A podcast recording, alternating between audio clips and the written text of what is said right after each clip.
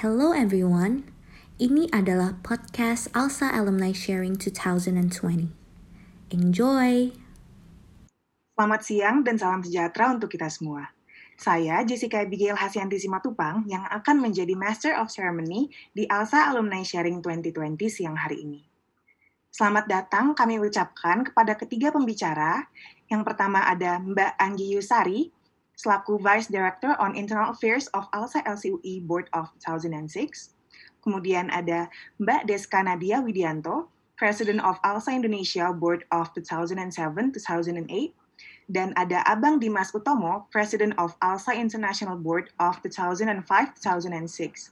Kemudian kami ucapkan selamat datang juga kepada Vice President of Internal Affairs of ALSA Indonesia, Kak Melati Ayu Pusparani, dan Chief Officer of Membership and Alumni of ALSA Indonesia, Mbak Salsabila Atarika Putri Izat, selaku perwakilan dari National Board of ALSA Indonesia Board of 2020-2021.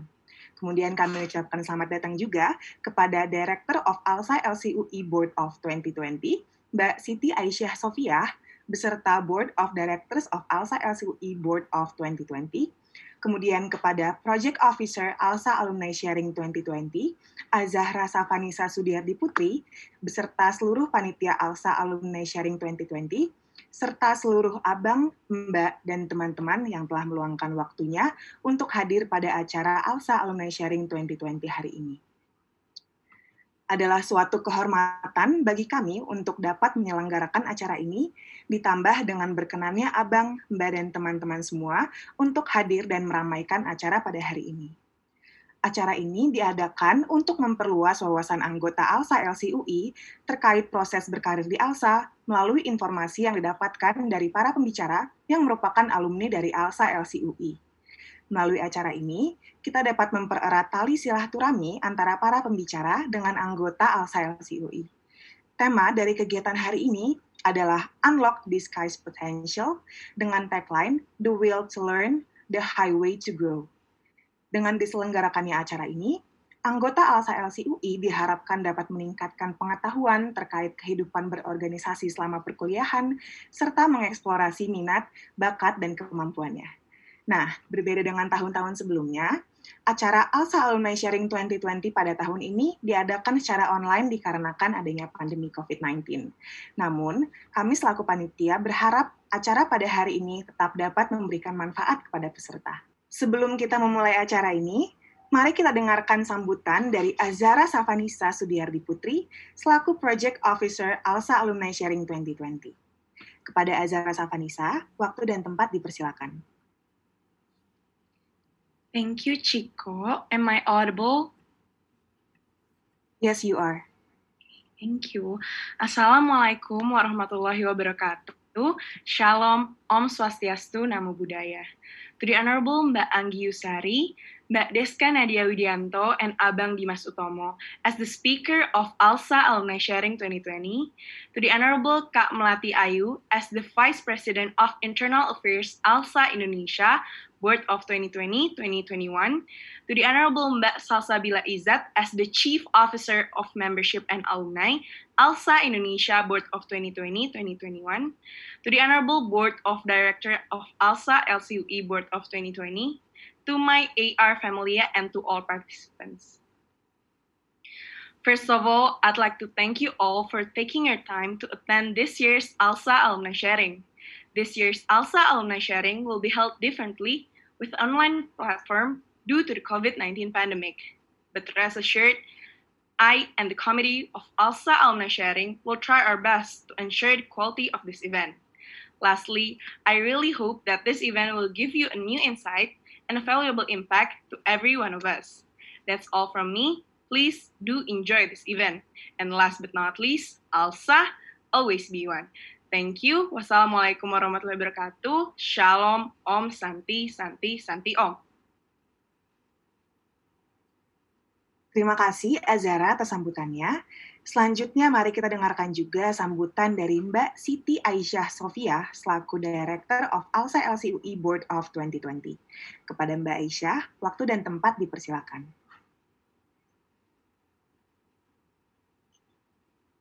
All right. Uh, I suppose I'm audible now. to the honorable speakers, Mbak Anggi Yusari, Mbak Deska Nadia, and Abang Dimas Utomo, to the honorable guests, representatives of National Board of ALSA Indonesia, Melati Ayu Pusparini and Salsa Bila Atarika Putri Izat, to the honorable project officer Azahra Safanisa, along with the rest of the committee from the Alumni Relations Division of ALSA LCUE, and to all the participants who I'm appreciate and grateful for. Assalamualaikum warahmatullahi wabarakatuh. Shalom, Om Sastiastu, Namo Buddhaya. First and foremost, let's all thank God as His blessing make us able to participate in today's event.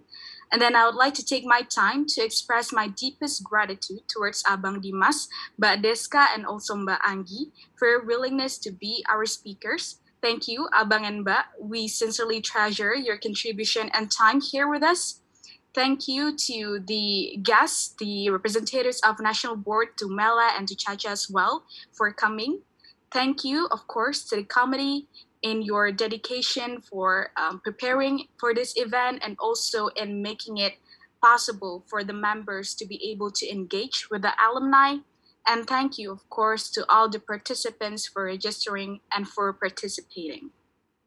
Citing Roosevelt, he said that the purpose of life is to live it, to taste experience until the utmost, to be able to reach out without fear and eagerly for a newer and richer experience.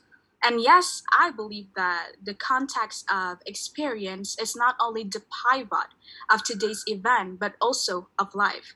And it is such an honor that we have such great speakers here with us today to be to be sharing their ALSA experiences with us so that the wandering minds are able to ease up a little bit to get encouraged and to get insights about how a career journey in ALSA is actually a chance worth taking. Well, it definitely is for me, someone who used to fear about uh, reaching for a new experience. But all in all, I just really hope that we'll all enjoy the event and yeah, that is enough from me. Thank you for your attention. Wassalamualaikum warahmatullahi wabarakatuh. Shalom, Om Santi Santi Santi Om, Namo Buddhaya, and may Alsa always be one. Terima kasih banyak Mbak Aisyah atas sambutannya.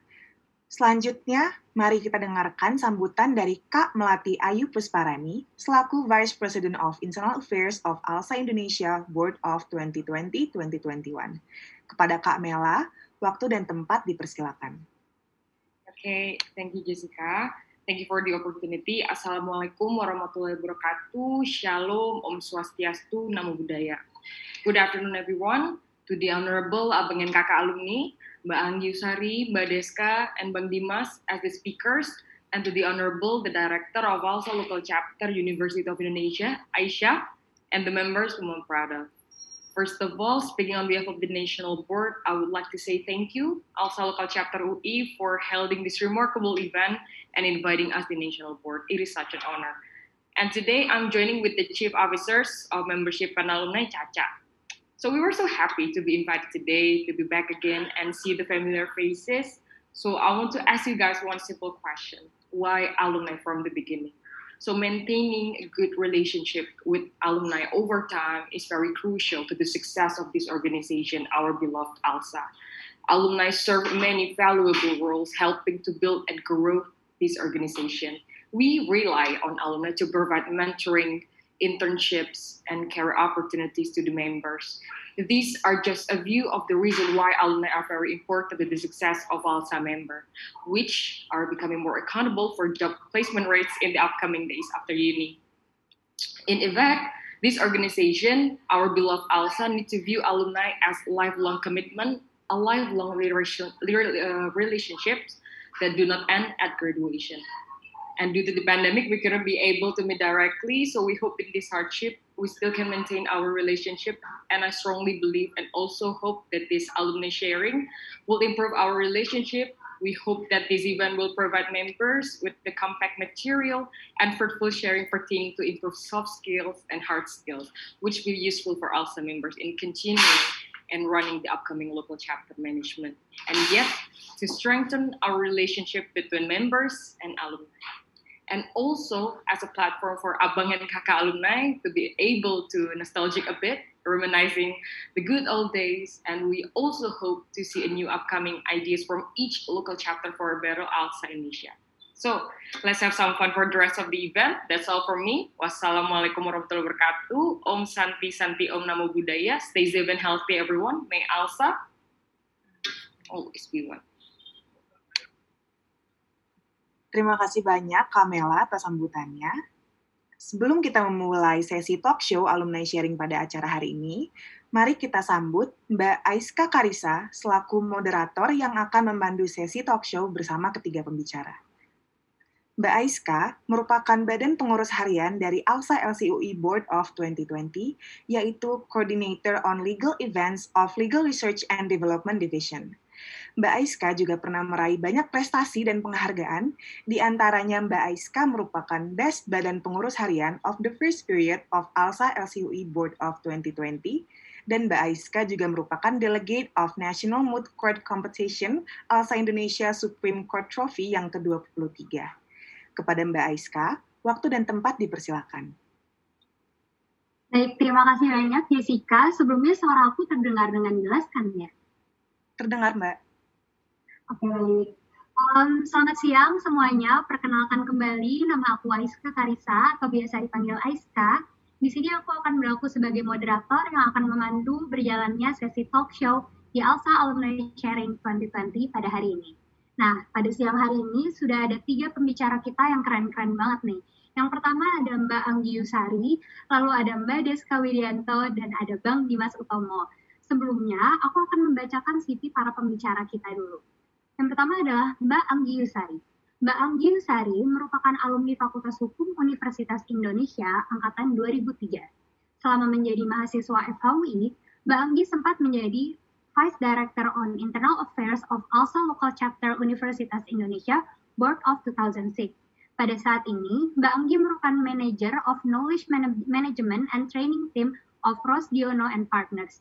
Sebelumnya, Mbak Anggi juga sempat menjadi Senior Associate di Kandar and Partners dan Associate di Sumadi Praja and Taher. Lalu, pembicara kedua kita adalah Mbak Deska Widianto. Mbak Deska merupakan alumni Fakultas Hukum Universitas Indonesia Angkatan 2004 selama menjadi mahasiswa FAUI, Mbak Deska sempat menjabat sebagai President of ALSA Indonesia Board of 2007-2008. Lalu Mbak Deska meneruskan studi S2 mengambil gelar LLM di Boston College Law School. Saat ini, Mbak Deska merupakan Senior Associate di Ginting and Rexel di Putro in association with Allen and Aubrey. Lalu untuk pembicara ketiga kita, yaitu Mbak Bang Dimas Utomo. Bang Dimas Utomo merupakan alumni Fakultas Hukum Universitas Indonesia Angkatan 2003 selama menjadi mahasiswa FAUI, Bang Dimas sempat menjadi sebagai President of ALSA International Board of 2005-2006. Bang Dimas selalu meneruskan studi S2 mengambil gelar Master of Public Affairs di, di The Paris Institutional of Political Studies atau Science. Lalu, Bang Dimas sekarang menjadi Vice Director on Legal and Compliance in Lazada Indonesia. Baiklah, kalau begitu mari kita sambut para pembicara kita. Halo Bang Mbak, apa kabar? Halo, selamat siang. Halo. Halo. Selamat siang Bang Mbak. Terima kasih banget udah menyempatkan waktunya untuk datang ke Alsa Alumni Sharing ini ya Bang Mbak. Oke.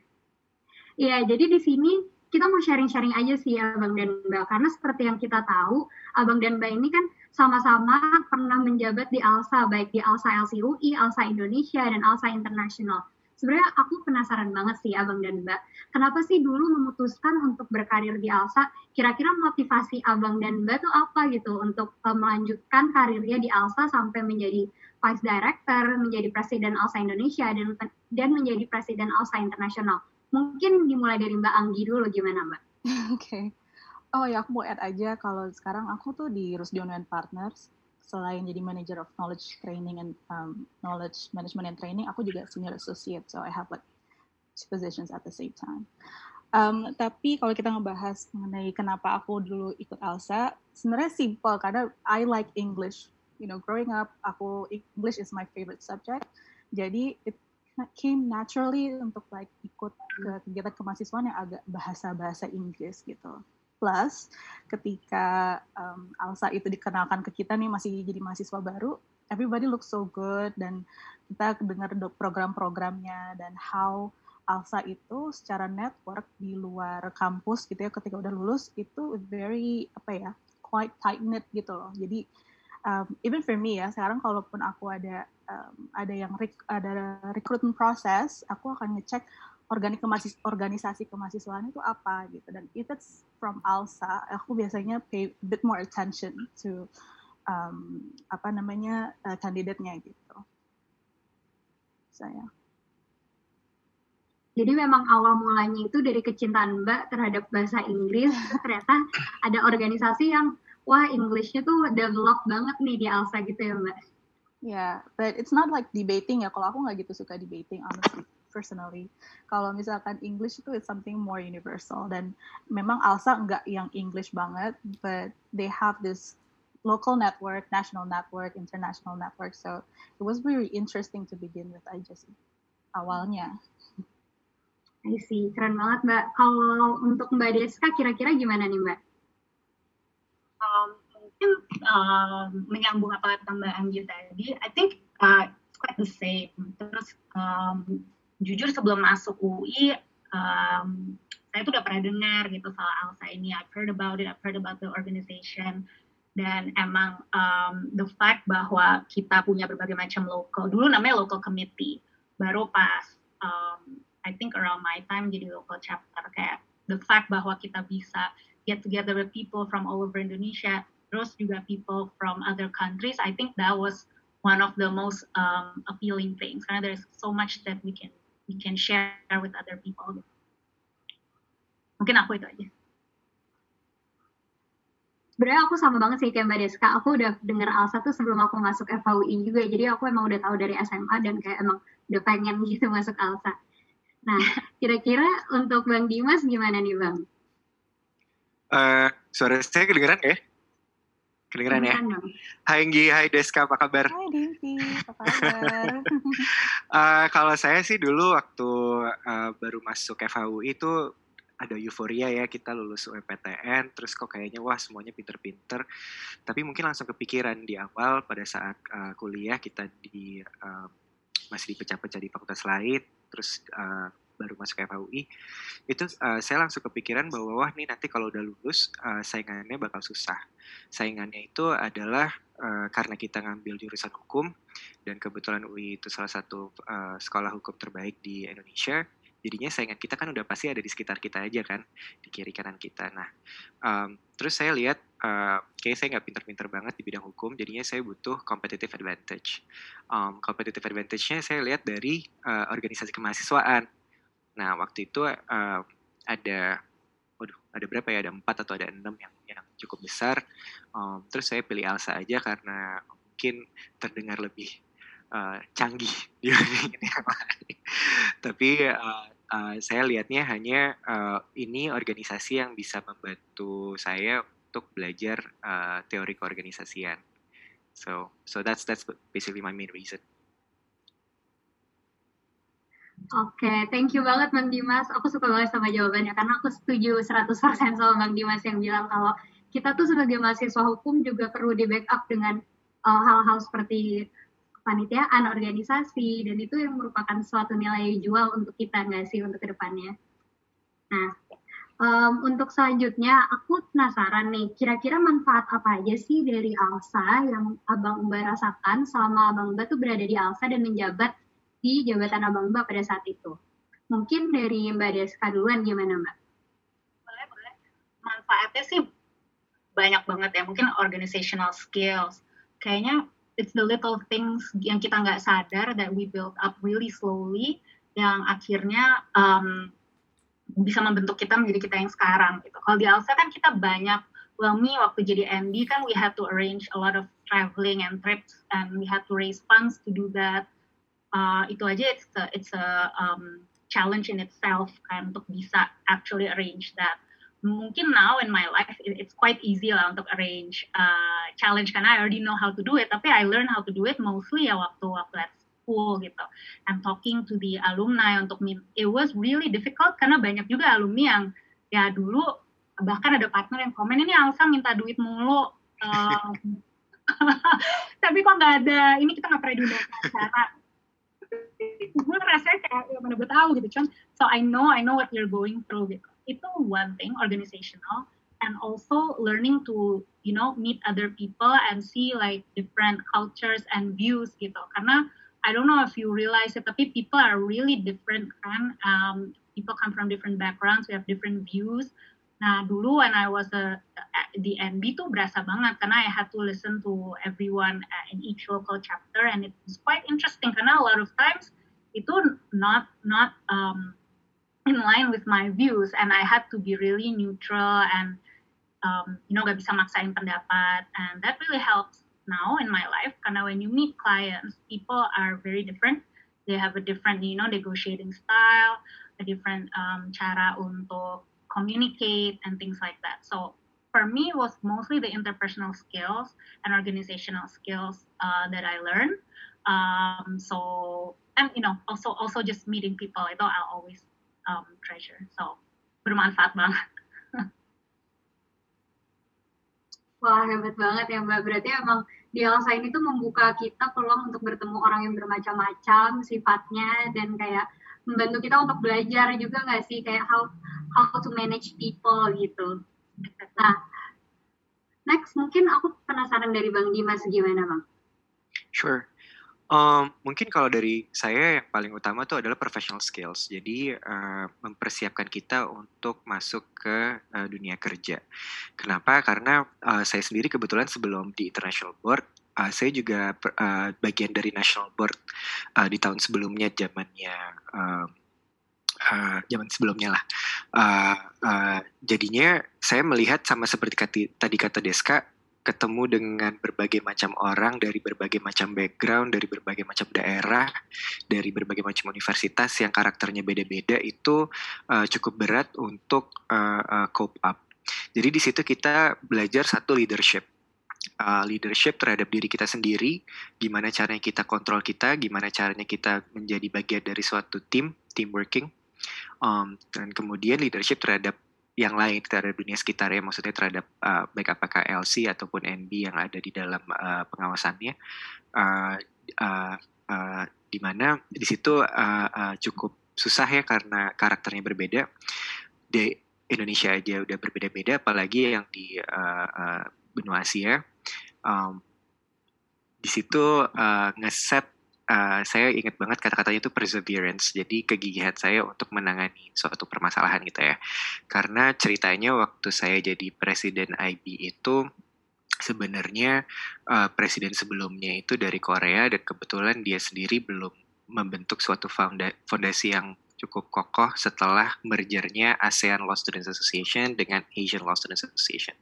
Jadi pada saat kepemimpinan saya itu masih basic, masih yang menentukan logo, itu mungkin logo yang dipakai sekarang tuh sebenarnya dari zaman saya. Uh, itu yang bikin dari Thailand, kita bikin tender, terus kita bikin format debat, kita bikin uh, semuanya tuh yang masih basic lah dengan segala macam anggaran dasar dan lain sebagainya. Um, so I think uh, with that leadership, uh, perseverance, and team working skills, itu uh, membentuk uh, uh, uh, apa skill profesional yang sebenarnya uh, lumayan shape up kita ke depannya sih.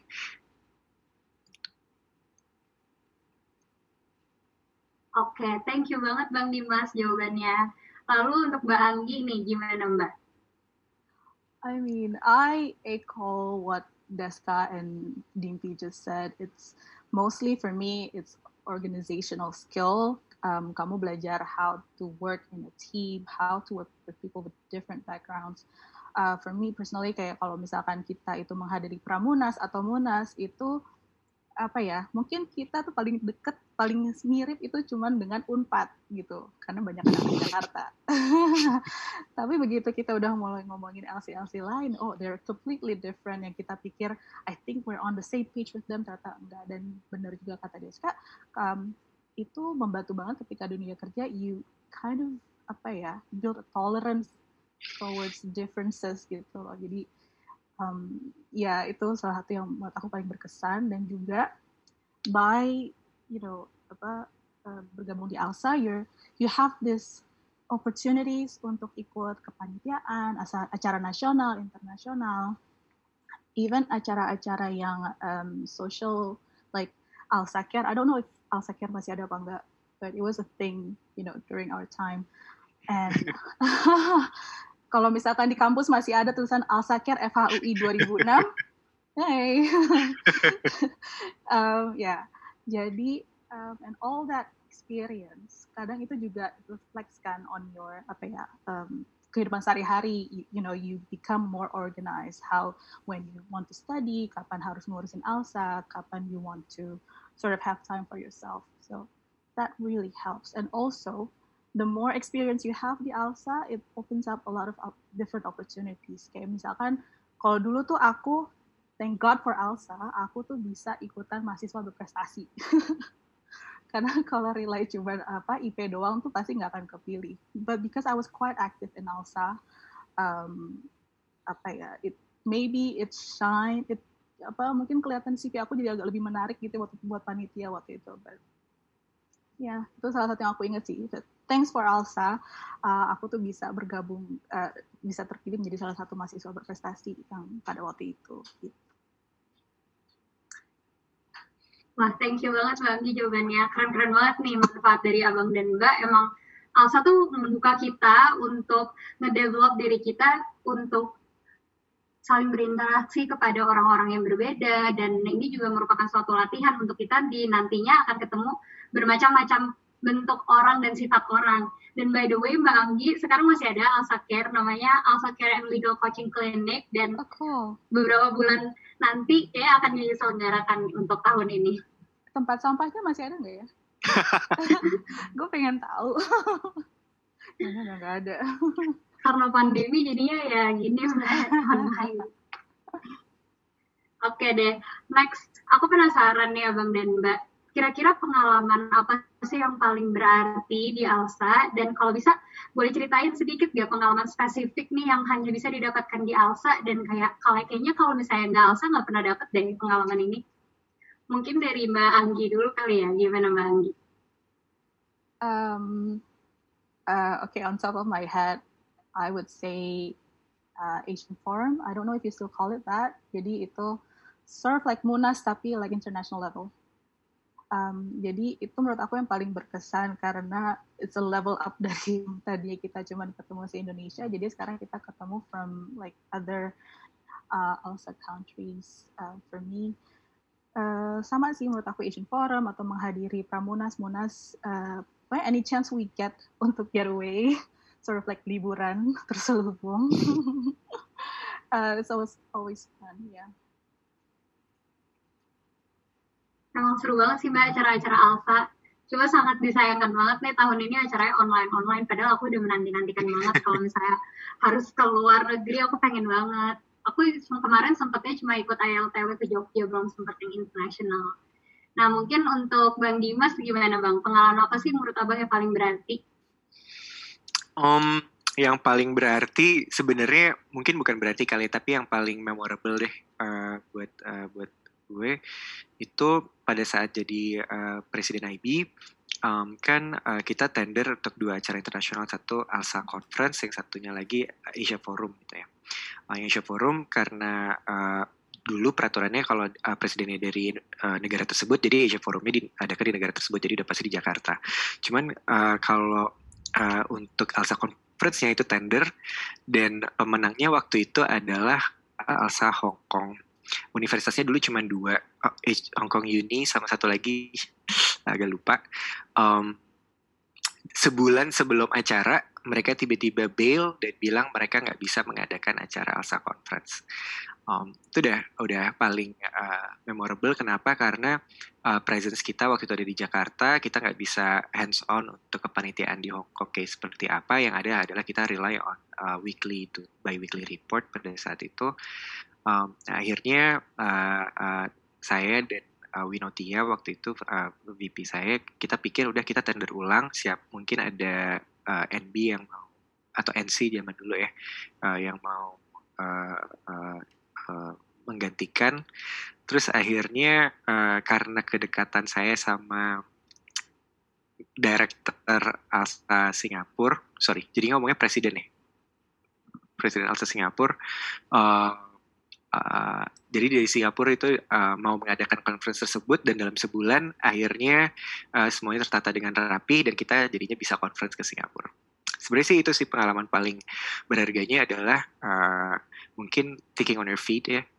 Um, di mana uh, as a president pada saat itu gue tahu kalau misalnya gue gak ngadakan conference pasti nanti pertanggungjawaban laporan gue ditolak lah apalah segala macam sebagai pengalaman-pengalaman uh, yang ada uh, jadinya uh, karena kita networking juga kita uh, dekat juga dengan beberapa teman dari beberapa negara mereka willing dan kejadian dan uh, semuanya lancar it was it was it was actually a, a really good experience Wah, aku baru dengar nih pertama kali ada hamil satu bulan bel gitu. Okay. Gimana tuh bang rasanya? Aku sih udah nggak tahu deh kalau jadi om. Rasanya sih deg-degan ya, deg-degannya. Hmm. Uh, ya sebenarnya lebih ke arah laporan pertanggungjawaban itu sih karena uh, mau bagaimanapun karena waktu itu dianggapnya kayak presiden kedua uh, setelah merger uh, kok kayaknya kita nggak nggak ada progres apa pun nih dari tahun-tahun sebelumnya.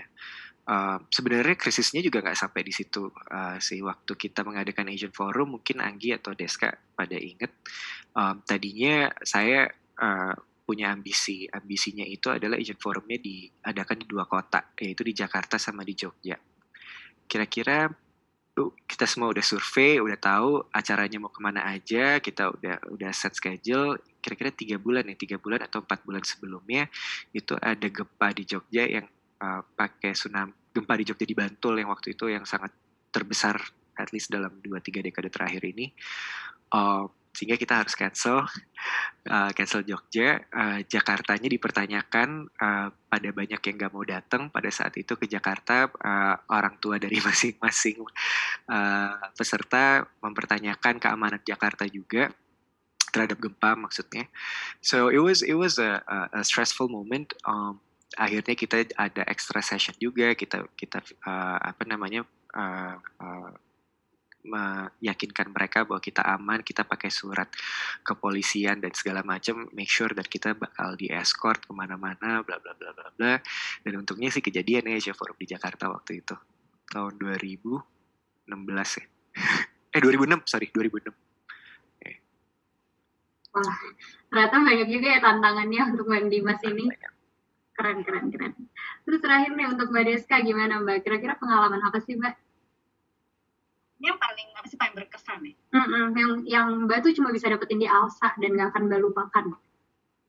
Uh, oke okay, mungkin pas mau campaigning buat jadi um, presiden MD uh, itu bener-bener for the first time ever gue ngerasain yang namanya bukan politik politik ya? Apa ya yang kayak you have to get actually get to know people ngobrol sama orang-orang um, actually make the effort and then think of mau bikin program apa and karena at the time uh, the person yang mau naik was a very um, orang yang sangat disukai gitu people really liked him and um, you know they thought he would actually he would be the one yang akan menang gitu so I thought okay, nilai jual gue at the time tuh uh, I have to have a really good program gitu. I don't really remember what it was, cuman I remember I put effort into thinking about it. And then dulu waktu uh, mau mulai um, talking to people gitu bareng Mbak Mbak Lia dulu sama Mbak Anggi, kayak we did a lot of that stuff and I never knew about it. Itu yang kayak I, I never knew like that kind of process how how to actually do it. So itu really um, apa ya helps. Again it helps untuk dunia kerja karena now you have to learn how to negotiate with people, how to sell yourself, how to market yourself, and all of that. So itu yang berharga, sangat berharga. And another thing yang agak lumayan stand out dulu tuh sempat ada pembahasan untuk merger. Alsa merger sama um, Australia kalau nggak salah. Did that ever happen? Enggak kan? Was there ever discussions lately? Kayaknya enggak ya. I've never heard. Um, so at the time itu benar-benar kayak controversial um, pendapat orang benar-benar beda-beda banget and kayaknya pendapat gue beda sendiri so it was it was really um, an experience Wah keren banget. Aku juga baru pertama denger nih tentang Al sama merger sama Australia. Sempat hmm. ada diskusi, tapi nggak jadi sih. Obviously. Oke, oke deh kalau gitu. Oke, kalau gitu aku ada pertanyaan lagi nih Abang Mbak. Sebenarnya aku mau nanya ke masing-masing Abang dan Mbak sih. Mungkin aku pengen tahu apa sih dukanya selain tadi kan ada pengalaman nih pengalaman yang seru-seru. Mungkin tadi bang Dimas sudah sempat menyinggung tapi aku penasaran nih ada nggak sih dukanya selama menjabat sebagai vice director sebagai presiden ALSA Indonesia atau presiden ALSA Internasional? Mungkin bisa dari Mbak Anggi dulu ya Mbak. Halo. Kalau dukanya hmm, aku harus ingat-ingat karena I don't think ada banyak masa duka but if there was any um, kelihatannya tuh dulu kan waktu kita board itu terbentuk, we have this programs and how you know our vision. Kita pengen banget melaksanakan program-program ini tapi kan semua tuh tergantung juga is there enough interest? Is there enough budget for it? Nah kalau ngomongin budget itu juga jadi permasalahan biasanya kalau kita mau mengadakan acara. Misalkan kita harus nyari dana gitu entah ke law firms atau ke alumni that's always a challenge gitu. itu aku pikir dengan uh, ALSA itu you know being this really big organization dan alumni yang tersebar di mana-mana it would be very easy for us untuk dapetin dana. Ternyata tuh nggak selalu gitu. Karena terkadang ada alumni yang prefer untuk you know give donation ke certain events doang misalkan. Atau certain um, activities dan nggak selalu alsa gitu ya. Jadi uh, itu salah satu dukanya sih terus keduanya dukanya tapi ini bukan yang serius banget sih. Um, aku tuh selalu ingat kalau kita lagi ada acara munas dukanya adalah kita biasanya tuh harus sampai pagi. Ngomongin ADART yang aku sampai sekarang juga nggak paham kenapa tiap tahun we would have to stay up sampai jam 4 pagi membahas ADART gitu um, itu du ber, aku duka banget kalau misalkan udah ngelewatin jam 12 baru pasal 3 gitu kan. Tapi um, it's always an experience. Ya yeah, but just coming back to my ini yang pertama nggak uh, banyak masa duka sih buat aku di uh, di Alsa honestly. It was always fun and we have like really good team. We have really, really great national committees dengan Deska dengan Dinti juga sebagai international board. So all good fun Oke oke, aku setuju banget sih sama Anggi. Aku juga nggak bisa yang begadang-begadang sampai pagi gitu. Oke, kalau gitu untuk ya, Dimas. Kalau kerja di law firm sih. ya, Belajar dari sekarang makanya tuh. Oh, ternyata itu lanjut ya Mbak di law firm kayak gitu ya Mbak? Alsa tuh hanya pemanasan tuh. apa Waduh. Jadi takut. Nih, Anggi sama Deska sekalian rekrutmen nih kayaknya. Uh, uh, sekalian curhat juga. keren-keren. Oke deh, mungkin Bang Dimas kalau mau nambahin di pengalaman-pengalaman dukanya itu. Um, sebenarnya Eko apa yang tadi Anti omongin ya. Uh, setelah uh, melewati semuanya and we look back, actually uh, it's kind of hard to see the downside of joining ASA menurut gue ya. Um, karena sebenarnya semuanya itu menjadi pengalaman berharga. Tapi ada satu uh, pengalaman sih yang, yang uh, cukup cukup berat waktu itu um, saya jadi vice project officernya Ecom. Ecom masih ada dong ya? Masih ya. Jadi vice PO-nya Ecom. Uh, kemudian uh, pada saat hari H banyak yang berantakan.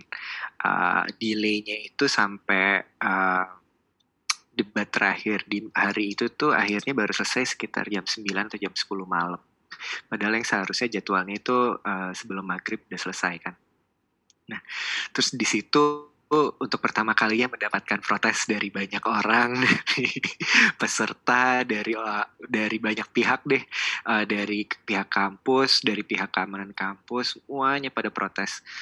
Um, di situ uh, ya nggak bakal lupa aja sih uh, uh, uh, apa namanya uh, kegagalan-kegagalan yang sebenarnya itu bisa menjadi uh, pinpoint uh, untuk kita belajar ke depannya. Oke, okay, thank you banget Bang Dimas sharingnya. Lalu untuk Mbak Deska nih Mbak, kira-kira gimana Mbak? Ada nggak sih dukanya Mbak? Iya sama kayak yang lain. Ya, ya paling ya gitu nyari dana sulit. Yang kayak gitu-gitu. Cuman mungkin kayak dulu waktu aku jadi MD, it was my choice untuk the whole MD itu semua dari Jakarta supaya gampang koordinasi. And looking back, I don't know if that was the right choice karena tadinya MD biasanya campur gitu dari LC-LC lain. And I think mungkin itu uh, it was a bit uh, controversial. Terus pernah kayak kita mau seleksi nih untuk siapa yang ikut um, bukan Asian Forum yang conference deh kalau nggak salah. Dan I was being very apa ya waktu itu kayak berprinsip ya udah yang kita seleksi ya uh, pokoknya benar-benar bagus. Dan at the time in my, in our opinion yang yang apa yang submissionnya bagus tuh kebanyakan dari UI. And itu tuh uh, there was a lot of protest gitu yang bilang kok kita pro UI banget gitu. You know you you try to uphold your principles cuman sometimes it just doesn't work gitu. So I think itu sih salah satu hal yang sulit and I learn a lot um, dari pengalaman kayak gitu. Wah, thank you banget Mbak. Karena sebenarnya setuju sih aku. Karena kalau misalnya pengalaman duka ini tuh malah membuat kita beneran develop banget dan di mana kita bener-bener belajar menjadi orang yang lebih baik, ya sih Abang Mbak? Nah, next sebenarnya ini aku akan menanyakan ke masing-masing abang dan mbak, tapi mungkin aku akan menanyakan ke mbak Deska dulu, karena nanti jam 2 mbak Deska harus ada keperluan lain dan harus meninggalkan Zoom meeting duluan ya mbak. Jadi mungkin aku mau memberikan kesempatan kepada mbak Deska dulu. Aku ingin bertanya nih mbak, mbak kan sebagai Presiden Alsa Indonesia, tentunya ada perbedaan dong terkait pengalaman kerja di local board dan national board. Boleh sharing-sharing sedikit nggak mbak terkait apa ya kayak perbedaannya dan mungkin kalau misalnya ada kayak uh, pergesekan atau seperti kayak gimana gitu ya, gimana mbak? Beda banget sih karena honestly dulu local local chapter itu sibuk banget kan kayak acara-acaranya udah jelas apa um, udah benar-benar terstruktur. Nah dulu salah satu alasan juga kenapa mau jadi national board tuh karena belum terlalu ada structure. So I felt that was like the perfect place for me to be creative and come up with ideas. At the time. I don't really remember IDs-nya apa, kayaknya ada newsletter. Terus, oh kayaknya juga kita one of the first yang actually traveling to all of the local, not all, tapi um, couple of the local chapters gitu. And uh, I acknowledge bahwa not everyone can do that karena itu juga karena kita dapat uh, bisa dapat sumbangan, terus ada juga yang mau pakai uang sendiri. Uh, and I don't think itu itu um, something yang kayak bisa sama semua bisa kayak gitu. Jadi bedanya kayaknya lebih konkret aja kalau local chapter uh, what to do dan kayaknya karena day to day ada di di kampus gitu kayaknya lebih banyak susah lah gitu banyak banyak isu gitu. Uh, waktu di national board it was a matter of uh, finding ideas and being creative. Actually at the time kan nggak kayak sekarang kan yang mana ada Zoom meeting dulu Munas aja kayaknya pakai chat Yahoo atau bukan Munas apa sih? Weekly chat gitu. Pakai chat Yahoo gitu. Um, jadi it was really different and you it was easier to be creative di saat itu karena gak, gak ada media kayak kayak sekarang gitu. So yeah it was different. Oke, okay, thank you banget Mbak Deska jawabannya. Jadi emang di saat Mbak Deska dulu tuh emang ada perbedaan di LC dan di national chapter. Dan juga dulu itu kan belum seperti sekarang ya yang bisa kayak gampang banget gitu pakai zoom meeting. Dan itu menjadi suatu kendala juga nggak sih mbak? Kayak tantangan tersendiri untuk ngadain rapat NB gitu. Oke oke. Mungkin selanjutnya aku ingin nanya ke bang Dimas nih. Sebenarnya pertanyaannya sama cuma kali ini aku bedanya adalah apa bedanya local chapter dengan international board? Gimana gimana nih bang? Um, Oke, okay. kalau saya sendiri sebenarnya itu nggak uh, pernah uh, di local chapter. Jadi begitu Olma dulu langsung di national chapter megang external affairs. Tapi begitu uh, karena ada perbedaan uh, apa tuh namanya perbedaan uh, periode kepemilihan antara local dan nasional.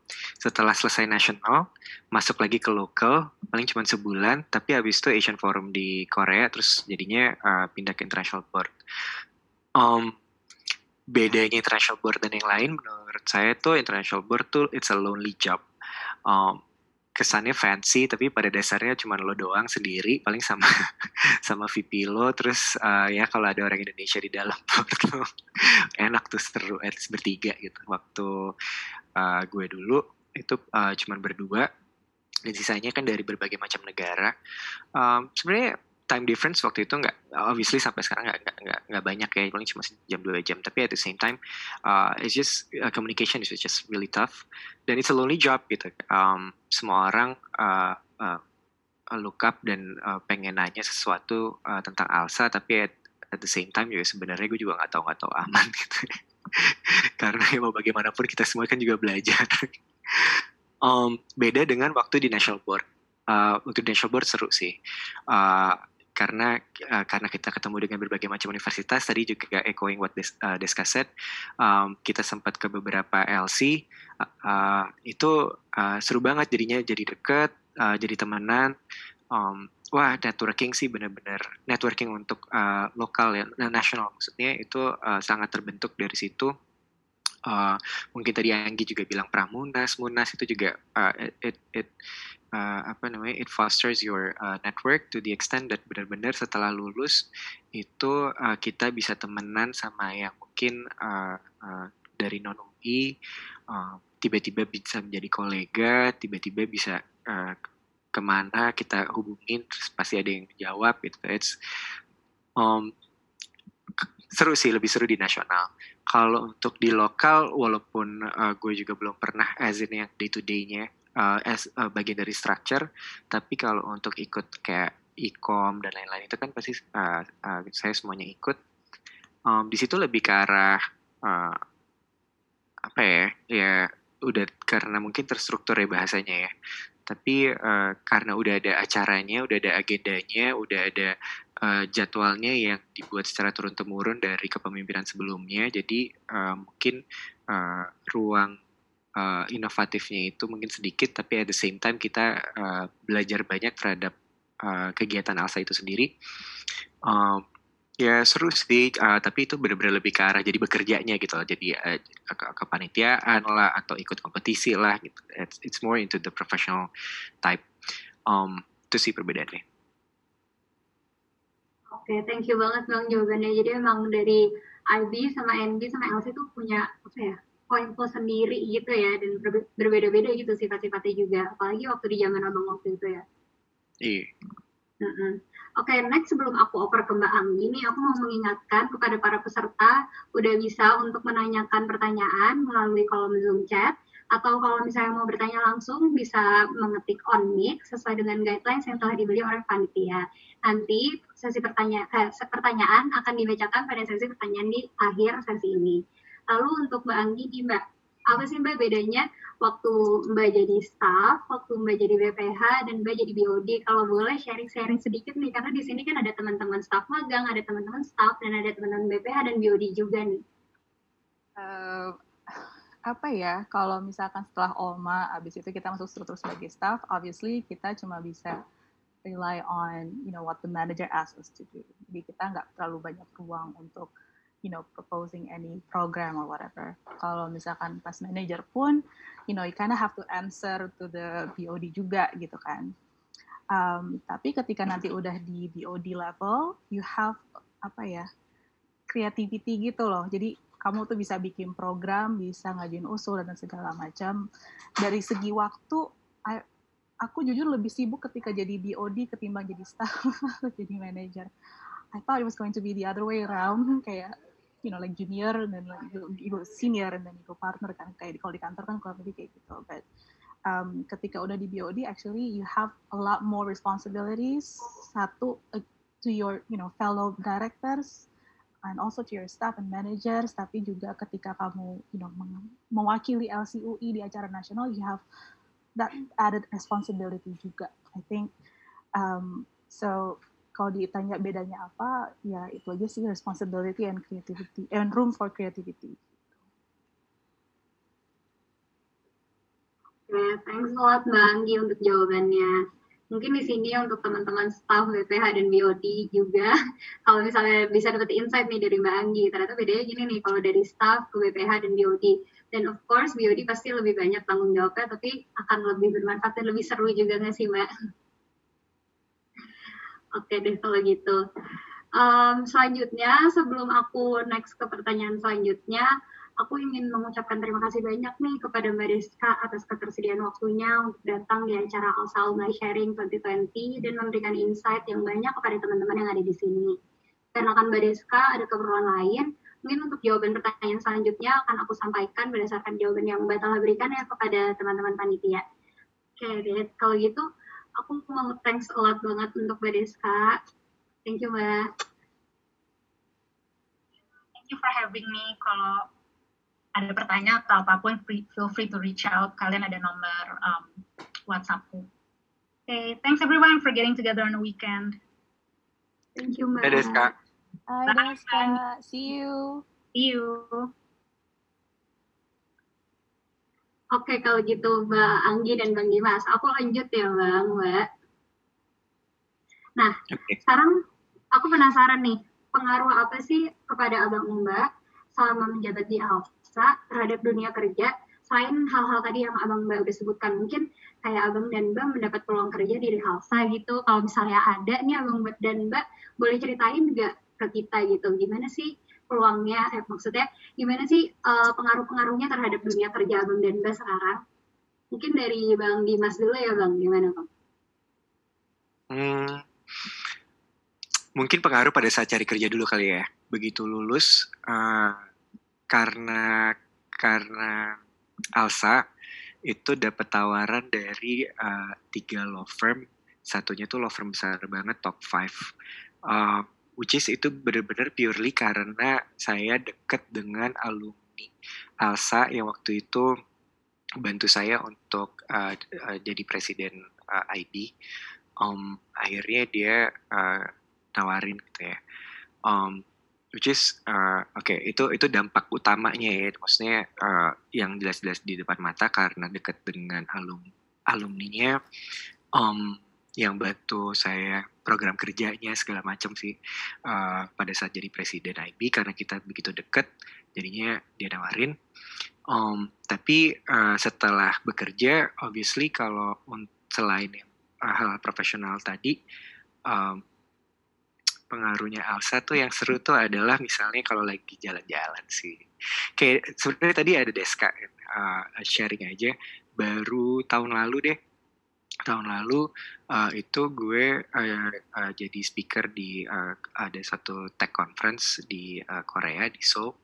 Um, terus uh, ternyata Deska ada di kota Seoul itu juga. Yang kita tahu cuma karena Instagram kali ya waktu itu. Akhirnya kita ketemu terus kita ngopi bareng kita uh, ngebir bareng gitu ya. So that was actually really really fun. Um, itu yang itu yang uh, orang Indonesia juga. Kalau untuk yang bahkan orang internasional uh, karena saya juga waktu itu dekat dengan Alsa Jepang uh, saya pernah di Kementerian Perdagangan sebelumnya jadi agak lumayan sering keluar negeri juga. Pada, saat itu dinas ke New York di New York uh, tiba-tiba uh, ada yang shout out di Facebook uh, bilang uh, uh, Dimas lo di uh, New York ternyata dia di New York ternyata dia kerja di New York so we get together we hang out um, so that's also really fun uh, jadi uh, itu sih uh, yang yang yang bisa dirasakan dari Alsa. Wah, thank you banget Bang Dimas. Jadi memang yang menarik banget sih yang tadi itu yang Bang Dimas dapat tawaran kerja dari uh, salah satu alumni yang pernah membantu Bang Dimas ya dalam maju jadi IB. Dan selain itu juga untuk koneksi ke depan-depannya ternyata masih sangat apa ya sangat erat ya koneksinya sampai udah udah kerja aja pun kalau misalnya lagi di luar negeri dan sama-sama ada anak Alsa juga yang di luar negeri bisa kayak meet up dan ngobrol-ngobrol seru banget. Oke, mungkin untuk Mbak Anggi gimana nih Mbak? Apa sih pengaruh Mbak ke uh, terhadap dunia kerja Mbak terhadap ini Alsa ini? Yang paling gampang sih, I actually got my first job karena salah satu alumni FH pada waktu itu, he is probably still is a managing partner di salah satu law firm um, di Sumadi Praja Tahir actually. Uh, waktu itu Bang Rahmat Sumadi Praja. Tanya gue di mana gitu loh. uh, Oke, okay, so Bang Rahmat or Rahmat, um, he was very kind to Alsa at that time. Dia banyak ngisi acara untuk Alsa or even um, uh, waktu itu dia ada salah satu juga lawyer yang lagi seconded ke SNT, lawyer bule lagi seconded ke SNT, actually dia undang untuk jadi pembicara di Alsa. So I was one of the first, uh, one of the people yang in charge of contacting Rahmat at the time. So we, I got to know him a bit better karena sering kontak-kontakan. And one day I just asked him like, uh, internship nggak ya di SNT? Just really casually. And then the next thing I know, aku udah kerja di SNT. So it's really, it was really organic karena um, mungkin Rahmat juga bisa lihat gitu ya, maksudnya anak-anak Alsa very good at organization dan pada waktu itu I don't know kalau sekarang kalau waktu itu rata-rata anak Alsa itu Alsa itu emang lancar-lancar banget gitu bahasa Inggrisnya gak sih Dim? Or was it just me? Perasaan gue doang. Tapi seingat aku, um, it was like that. So itu yang bisa aku um, ingat banget sih if it wasn't for acara Alsa pada waktu itu uh, dan di mana aku juga harus kontak-kontakan dengan uh, Rahmat, I probably wouldn't have you nggak mungkin nggak segampang itu gitu loh masuk uh, uh, SMT. Honestly, waktu SMT pun I didn't really go through like any testing or interview karena mungkin udah kenal duluan. So ini mungkin juga buat teman-teman kalau if you have uh, kontak-kontak dengan alumni or even senior yang udah mau lulus, you know, you have to maintain that karena nggak you, you never know. Someone someone you know you meet along the way itu akan ber, akan actually membantu kamu di kehidupan nantinya. Maybe not now maybe five years or ten years itu kerasa. Kalau untuk di dunia kerja um, ya terlepas dari you know having organization skill dan uh, time management and all that um, so I've been quite fortunate. Aku tuh bukan tipe yang pindah-pindah tempat kerja dan I have to interviews here and there. So uh, buat aku kalau bisa di dunia kerja tuh efeknya lebih ke for me personally ya sebagai KMT manager di kantor. Kalau misalkan aku ngelihat ada uh, kandidat yang punya pengalaman organisasi dan itu actually Alsa itu for me udah kayak dapat like 10 extra points. Karena either this kid udah uh, banyak kegiatan organisasi udah apa ya jatuh bangun di organisasi or at least they can speak like quite fluent English. Jadi um, mungkin itu bukan benefit for mungkin benefit for me juga sebagai recruiter. Um, but for you guys, uh, it's actually a plus point gitu loh, having organization experience gitu. Wah, thank you banget nih untuk jawabannya. Itu teman-teman bisa di note ya yang kata Mbak Anggi. Jadi sebenarnya untuk kita nanti itu juga sangat bermanfaat gitu untuk nanti kita akan memilih pekerjaan karena emang sangat membantu banget di mana kayak um, di open law kan biasanya juga sudah kenal angsa itu seperti apa tadi seperti yang Mbak Anggi dan Bang Dimas bilang juga biasanya mereka um, melihat kalau misalnya orang yang ada organisasi dan khususnya Alsa gitu sudah pernah lah jatuh banting di organisasi gimana pengalamannya gitu ya. Oke deh kalau gitu. Aku penasaran ya Bang Mbak kan seperti yang kita tahu untuk mengimbangi antara akademis dan organisasi bukan merupakan satu hal yang mudah ya dan kita di sini juga nggak bisa terlepas dari kewajiban akademis kita sebagai mahasiswa fakultas hukum. Nah, kira-kira untuk Bang Dimas dan Bang Anggi, gimana sih cara Abang dan Mbak mengimbangi antara organisasi dan akademis? Dan kalau misalnya ada tips and tricks nih untuk teman-teman yang ada di sini semuanya, uh, boleh banget nih Abang dan Mbak. Mungkin dari Bang Dimas dulu, Bang. Uh, Oke. Okay. Tipsnya, mungkin um, dulu pas uh, saya kuliah, uh, saya udah sering konsultasi dengan banyak uh, senior, uh, baik apakah itu alumni ataupun non alumni, uh, terkait hubungannya sekolah dengan dunia pekerjaan. Um, mostly uh, the answer was um, yang dilihat tuh adalah sebenarnya lebih ke uh, leadership skills, uh, you know, willingness to work, uh, your work ethics. Um, apakah uh, kamu memiliki pengalaman dalam keorganisasian gitu ya? Apakah pernah memimpin, pernah mempunyai anak, pernah memimpin suatu tim, pernah menjalankan suatu acara dan lain sebagainya. Nah di situ sebenarnya lebih dilihat dibandingkan uh, IPK. Tapi uh, bukan berarti IPK-nya itu juga uh, uh, apa ya bahasanya dulu apa sih yang ya? Satu uh, koma apa dua koma itu? Uh, enggak uh, jangan sampai. Nah sakom uh, ya nasib satu koma ya uh, jangan sampai jelek-jelek banget juga.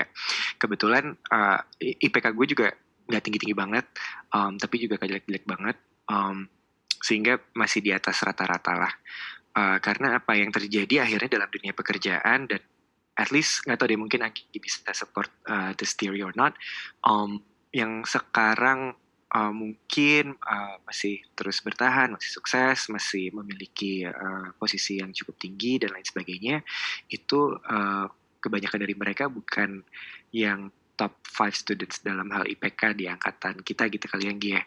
Um, atau mungkin angkatan-angkatan yang lain. Um, di mana uh, dulu uh, cita-citanya kan pengen masuk law firm ya begitu lulus uh, kuliah.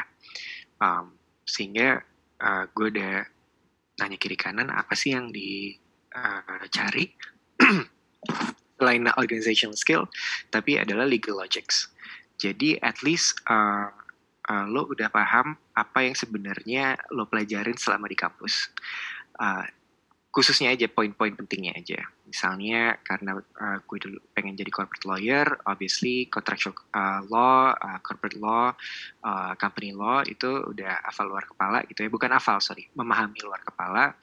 Um, sehingga uh, untuk hal-hal yang mendasar seperti itu udah jadi uh, embedded di dalam gaya berpikir kita. Jadi begitu kita bekerja, um, kita tinggal mengaplikasikan tapi at the same time kita disupport dengan work ethics yang sudah dilatih dari organisasi alsanya itu sendiri gitu. So, um, I guess I guess that's it. Thank you banget Bang Dimas.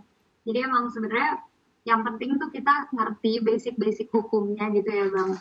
Iya. Yeah. Uh, ngerti basic hukum.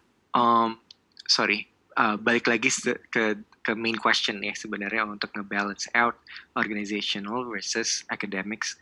Uh, nggak tahu deh, kayaknya uh, simple-simple aja ya, uh, karena dulu uh, kehidupan kita itu adalah di kampus, uh, pagi ke kampus, nggak ada kelas pun juga kita hangoutnya di ruang alsa, uh, kita ngerjain organisasi, begitu ada kelas, ya kita ke kelas, kalau misalnya enaknya kalau juga ada tugas ataupun um, what do you call it, uh, midterm, midterm test atau final test uh, yang uh, bisa kita lat, uh, latihan bareng-bareng, kerja bareng-bareng ataupun uh, belajar bareng-bareng itu juga kejadiannya juga di ruang ASA juga. Um, so it, it was basically our life lah as a student. Um, now depending on your depending on your um, future plan juga, depending on your life plan juga menurut gue. Uh, kalau misalnya emang ternyata ada plan lain selain menjadi uh, uh, uh, profesional di uh, bidang hukum pun kan sebenarnya nggak masalah kan itu adalah pilihan masing-masing tapi kalau uh, memang berambisi uh, memiliki karir di bidang hukum pun uh, ada baiknya memiliki dua skill tersebut. Oke okay, bang, thank you banget bang untuk penjelasannya mengenai ini how to balance nih akademik sama organizational. Kalau untuk Mbak Anggi gimana nih Mbak? How do I balance? Um, I was actually quite fortunate karena teman-teman aku di ALSA, especially my board members, itu actually teman satu geng gitu.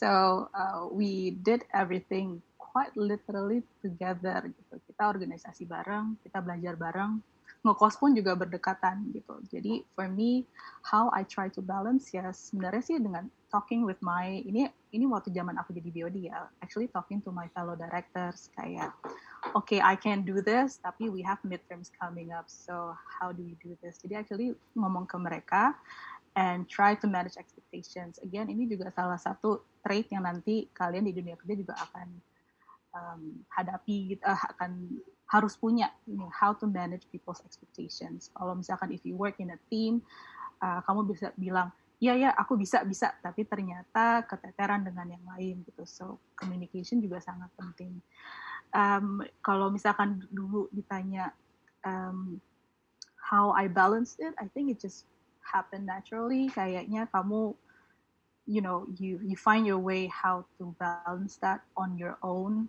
Kelihatannya untuk mata kuliah yang agak gampang, you don't spend too much time learning it. Kalau misalnya agak susah, then you have um, apa ya manage your time better how to learn that in advance sebelum ITS atau UAS. Dan uh, I just want to, wanted to um, touch base on what Dimpi said. And yes, Dimpi itu benar banget, like top five untuk teman-teman kita yang top five dulu zaman angkatan kita. Most of them have like completely different interest gitu. Ketika mereka di kampus, you know, they uh, IP-nya tuh bisa kayak 4 atau 3,8. Tapi um, atau yang no, catatannya kita temukan di barel gitu. Betul. Um, yeah. Nah biasanya kalau yang IP kayak tinggi banget, they don't have they don't have time untuk um, kegiatan organisasi dan menurut aku ya misalnya jalan orang atau jalan orang berbeda-beda, but um, you have to find that balance gitu karena ya again dengan aku karena aku juga suka ngerekrut ya. Kalau aku ngelihat on paper dia IPK-nya let's say 3839 uh, aku akan lihat itu itu balance nggak dengan kegiatan organisasi dia di kampus.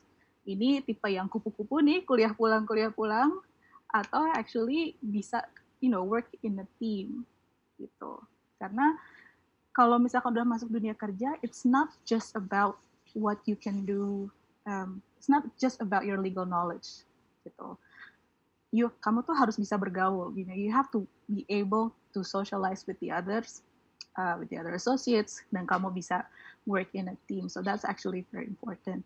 Um, if you know kalau kamu milih untuk just focus on your academic, uh, that's great too. But for me personally, and I think you must can also agree, uh, bisain deh sempat-sempatin tuh ikut organisasi kemahasiswaan gitu atau kegiatan kepanitiaan. Even if it's just like dua kali setahun, it's actually a very good exercise gitu dan itu skill itu nanti how you juggle your work between studying and um, organization itu akan kamu pakai banget tuh ilmu itu ketika nanti di dunia kerja. Oke, okay, thank you banget Mbak Anggi untuk jawabannya. Nah, terkait dengan hal ini juga, aku tuh penasaran nih ya Bang Mbak. Karena seperti yang kita tahu, semua orang, sepertinya semua yang pernah berorganisasi, pernah merasakan yang namanya demotivasi. Nah, Abang Mbak pernah nggak sih merasakan dan kalau misalnya pernah merasakan demotivasi, kira-kira apa yang Abang Mbak lakukan kalau Abang ada tips and tricks tersendiri gitu untuk teman-teman semua bisa tahu, boleh banget tuh sharing. Mungkin Mbak Anggi dulu gimana Mbak? Ini maksudnya demotivasi Alsa? Oh. Apa aja sih Mbak sebenarnya kayak uh, anything, could be anything. Aku lebih demotivasi belajar sih bukan Alsa. sama sih sama um, kalau misalkan demotivasi you know you know people need sorry ada anak aku. Uh, kalau misalkan demotivasi it's always look to just it's always good to just take a step back gitu. And then figure out apa yang bisa you take in for the moment gitu. Kalau misalkan aku dulu if I feel like too much gitu ya karena kan ada semester-semester yang kalau misalnya udah mulai pengkhususan tuh kita udah banyak banget kan SKS yang diambil. Um, aku mencoba untuk nggak memaksakan diri you know at the end of the day the sun will always shine eh, the sun will always rise. Jadi tomorrow's problem tuh ya besok aja dipikirinnya. You know you don't have to take everything in all at the same time. Jadi if you feel demotivated just acknowledge it. Um, tapi juga jangan didiemin gitu. Speak to someone. Please speak to your um, ALSA friends or even your friends in on campus. Menurut aku sih gitu aja. I think that still applies di dunia kerja sekarang. Kalau demotivasi kantor ya ah, cuti. betul betul. Oh gitu ya Mbak. Jadi emang sebenarnya kalau misalnya kita lagi ngerasa demotivasi, it's okay to take a step back nggak sih? Dan ya, even Banggi tadi bilang kalau lagi di kantor demo ya cuti. Iya, karena it's just there's just no point of you, you know, going to the campus atau going to ALSA meetings or even going to the office gitu, feeling hmm. feeling already feeling defeated. Jadi hmm. kalau misalnya kalian demotivated, ya go refreshing aja gitu, entah going to the mall or online shopping sekarang nowadays mm-hmm. or even just binge watch something gitu oke okay, oke okay. oke okay deh menurut bang Dimas gimana nih bang kalau dari bang sorry tadi pertanyaannya itu adalah kalau feeling demotivated maksudnya tuh uh, uh, anggota Alsa sekarang ada yang feeling demotivated gitu Enggak gitu juga sih bang. Mungkin ini lebih ke personal masing-masing kan. Pasti masing-masing setiap orang pernah merasa dimotivasi dan terlalu kayak aduh Oh. banyak banget nih kerjaan mulai dari akademis, organisasi dan segala macam hal. Okay. Uh, well, my take is actually, um, you guys are in the range of 17 to 21 years of age, right? Um, don't be uh, dalam hidup ini ada begitu banyak permasalahan ke depannya. Uh, dan kalian semua udah keterima di Universitas Indonesia, uh, di Fakultas Hukum UI, menjadi anggota ALSA, itu menjadi suatu privilege, menjadi suatu modal uh, yang harus digunakan untuk ke depannya. Uh, kalau misalnya for whatever reason uh, feeling demotivated, feeling upset, or uh, basically slammed with work, uh, organizational work, or, or uh, school work, itu yang ada adalah uh, just uh, you know bersyukur. Jutaan orang lain uh, obviously want to be in your position. Um, kemudian yang kedua, uh, be happy. Uh, you know, we're you guys are still young. Gue baru mau ngomong I'm young, we're young. Kayaknya udah nggak lagi. Um, so you guys are still young. Um, have fun. Uh, kalau misalnya demotivated, ya tinggal I don't know wh- what do you guys like nowadays, right? Uh, go to bar or whatever. Um, you know, jangan sampai uh, juga karena stres pengen uh, mem- memiliki ambisi yang tinggi gitu ya, pengen sukses terus, pengen masuk law firm ini, law firm itu, atau enggak pengen masuk company ini, company itu. Jadinya butuh modal ini, butuh modal pengalaman ini, modal pengalaman itu. Jadinya harus bekerja uh, apa jadi PO, uh, let's say PO e-com, kayak PO Alsaker, kayak PO apa, tapi at the same time pengen IPK-nya di atas tiga setengah gitu. Um, you know, uh, life doesn't work that way. Uh, kalau menurut gue ya. Uh, so, um, you know, just enjoy life. Uh, dan apalagi umur 17 sampai 21, that's the best moments of your life, I guess. Um, you know, have fun. Uh, I totally agree. You're too young to be depressed, man. exactly. So I don't, I don't really agree with the question, frankly speaking. Yeah, I mean, demotivated at work, I can understand. That's true. totally agree. Ketika udah pulang jam 2 pagi, jam 3 pagi, jam 4 pagi setiap hari sampai closing, yang ternyata closingnya di extend dari 2 bulan, 3 bulan jadi 6 bulan. Yeah. Now that you can feel demotivated. Just, you know, look at it this way. Kalian tuh nanti pas lulus itu baru yang namanya your real life begins. Sekarang tuh this is sort of like the time for you to have fun and being young adults. Gitu. Yeah, exactly. So, you know, explore and feel what you feel. Tapi jangan sampai itu kayak brings you down, makes you depressed karena you will have so much time for that nanti kalau Right. udah mulai kerja. right. Aduh gitu ya ternyata. Ternyata nanti kalau misalnya kita udah kerja akan jauh lebih banyak tantangannya. Pastinya. Mungkin untuk teman-teman nih yang sering uh, melo, demot gitu, ingat kata Mbak Anggi sama Bang Dimas, kalau ini tuh belum apa-apa. Kalian harusnya happy-happy dulu nih kalau di umur-umur sekarang. Enjoy aja, enjoy semua yang lagi dilakuin, mulai dari akademis, organisasi. Mungkin sekarang lagi UTS banyak yang stres nih ya teman-teman. Nggak apa-apa, enjoy aja ya nggak sih Mbak Bang? Oke. Oke deh kalau gitu. Nah next, um, aku mau nanya nih untuk Abang dan Mbak. Kira-kira apa sih pesan Abang dan Mbak bagi anggota ALSA LCUI yang ingin melanjutkan karirnya di ALSA, baik di local board, national board, ataupun di international board? Kira-kira mungkin dari Mbak Anggi dulu kali ya Mbak. I mean, just have fun and go with the flow. Nggak usah yang terlalu bingung. Um, I, I know it's so easy for me to say because I've lived it. Cuman, Udah lewat ya kita Nggi ya. ya benar karena uh, karena ya kayak tadi aku cerita gitu. Kalau misalnya Munas kita ngebahas uh, ADART atau melobi-lobi siapa yang mau jadi tuan rumah berikutnya, itu ketika di dunia kerja tuh jadi kayak ngapain ya gue dulu gitu sampai pusing banget. So um, jadi kalau misalkan if you kalau sekarang kamu jadi staff atau misalnya jadi BPH atau even nanti jadi board, just have fun, just go with the flow. Kalau misalkan if you have a program, um, do what you think is best to like improve the program kayak gitu. Gak usah yang terlalu stress thinking that this has to be perfect because nothing is ever perfect. Like no matter how good you planned it.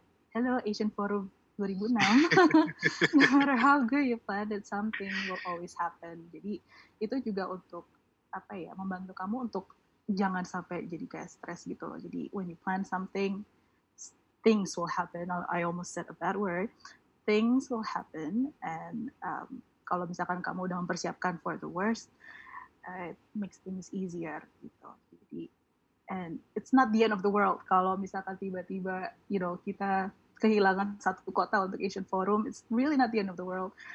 You know, problems will always sort themselves out. So jangan stres. Ini kok jadi lama-lama jadi kayak kayak self healing, self healing workshop gitu ya. ya oh, motivasi. ya, yeah, so. so. Oke okay, deh, thank you mbak jawabannya. Untuk Bang Dimas gimana nih kira-kira bang?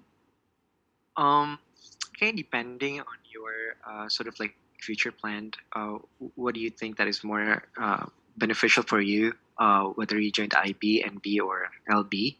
I think basically all of them are quite the same lah. Uh, the same in in, in a uh, sense that um, it's about personal development. Uh, karena uh, itu kan kayak apa ya, uh, baik di IB, NB atau uh, LB, kita tuh belajar semuanya kita dalam dalam posisi belajar uh, organisasi ini organisasi kemahasiswaan. Um, yang penting uh, kita benar-benar belajar. Uh, maksudnya uh, mengaplikasikan apa yang sudah uh, kita lakukan, pengalaman kita uh, in terms of leadership, in terms of uh, knowledge management, in terms of um, uh, perseverance, uh, you know, thinking on your feet, uh, crisis management, hal-hal seperti itu karena akan kejadian di dunia uh, pekerjaan uh, kayak tadi Anggi bilang um, di mana uh, obviously uh, risk and uh, consequencesnya jauh lebih besar. Uh, when you're look, uh, working at a law firm you're not uh, talking about 200 300 million rupiah worth of acara but you're talking about 200 to 300 million dollars worth of transactions right? Um, jadinya uh, jauh lebih uh, berisiko jauh lebih stressful um, and uh, so uh, ya balik lagi ke personal developmentnya aja sih uh, menurut gue juga nggak ada beda-bedanya amat. Uh, begitu sekarang juga nggak ada bedanya yang mana yang IB yang mana NB yang mana LB uh, selama mereka itu determine, selama mereka itu memang uh, fokus terhadap karirnya, let's say memang mereka ini berkarir ataupun uh, berbisnis atau apa pun lah uh, yang uh, uh, sekarang kejadian, um, tidak melihat lagi perbedaan antara LB, NB atau IB. Oke, okay, thanks a lot untuk Bang Dimas dan Mbak Anggi mungkin ada satu pertanyaan terakhir dari aku sebelum kita ke sesi tanya jawab nih dari peserta. Terakhir nih Abang dan Mbak, apa pesan dan harapan Abang Mbak untuk khususnya Alsa LCUI ke depannya? Gimana? Untuk mau Bang Dimas dulu boleh? Uh, Alsa LCUI. Sekarang by the way udah ada berapa LC ya di uh, National Chapter Indonesia? Dulu soalnya cuma 11 yang Gi ya? Sekarang ada 14 bang kalau nggak salah. 14. Um, well, uh, selalu menjadi yang terbaik uh, karena uh, mau bagaimanapun itu uh, akan selalu menjadi alma mater kita uh, representasikan UI uh, ke depannya lebih baik baik apakah di uh, nasional ataupun internasional um, pun juga untuk uh, ke dalam UI LCUI-nya itu sendiri uh, makin uh, produksi lulusan-lulusan berkualitas yang kompetitif dibandingkan uh, let's say organisasi-organisasi lain yang ada di UI. Uh, itu aja sih kayaknya. Thank you banget Bang Dimas untuk pesannya nih pada Alsa LCUI. Mungkin terakhir dari Mbak Anggi, apa sih Mbak pesan Mbak untuk Alsa LCUI? Ya, semoga ALSA LCUI tetap menjadi tempat bernaungnya ya anak-anak yang punya you know um, interest yang sama gitu. Uh, semoga juga anak LCUI itu bisa menjadi lulusan-lulusan yang oke, yang berkualitas. Nah, ditunggu CV-nya di kantor kalau misalnya recruiting season is coming up. and um, ya semoga menjadi lebih baik aja, lebih kreatif. Uh, you know, this year has forced us to be a lot more creative dan uh, dari segi pekerjaan maupun I'm sure kayak kemahasiswaan juga pasti you know you have your own challenges gitu, harus belajar online dan segala macam. So um, harapan aku kalian bisa jadi lebih kreatif, you guys can persevere anything karena you guys will need that when you enter the di real world yaitu ketika kamu lulus kuliah dan nanti masuk dunia kerja. Oke kalau gitu thank you banget Bang Dimas dan Mbak Anggi untuk jawaban-jawabannya dan tadi pesannya juga nih untuk Alsa UI. Mungkin sekarang aku akan membacakan pertanyaan-pertanyaan yang udah datang nih dari para peserta yang antusias nih Bang dan Mbak. Pertama dari Erin, 2019 ingin bertanya kepada Bang Dimas dan ingin bertanya secara on kepada Herin, aku persilahkan.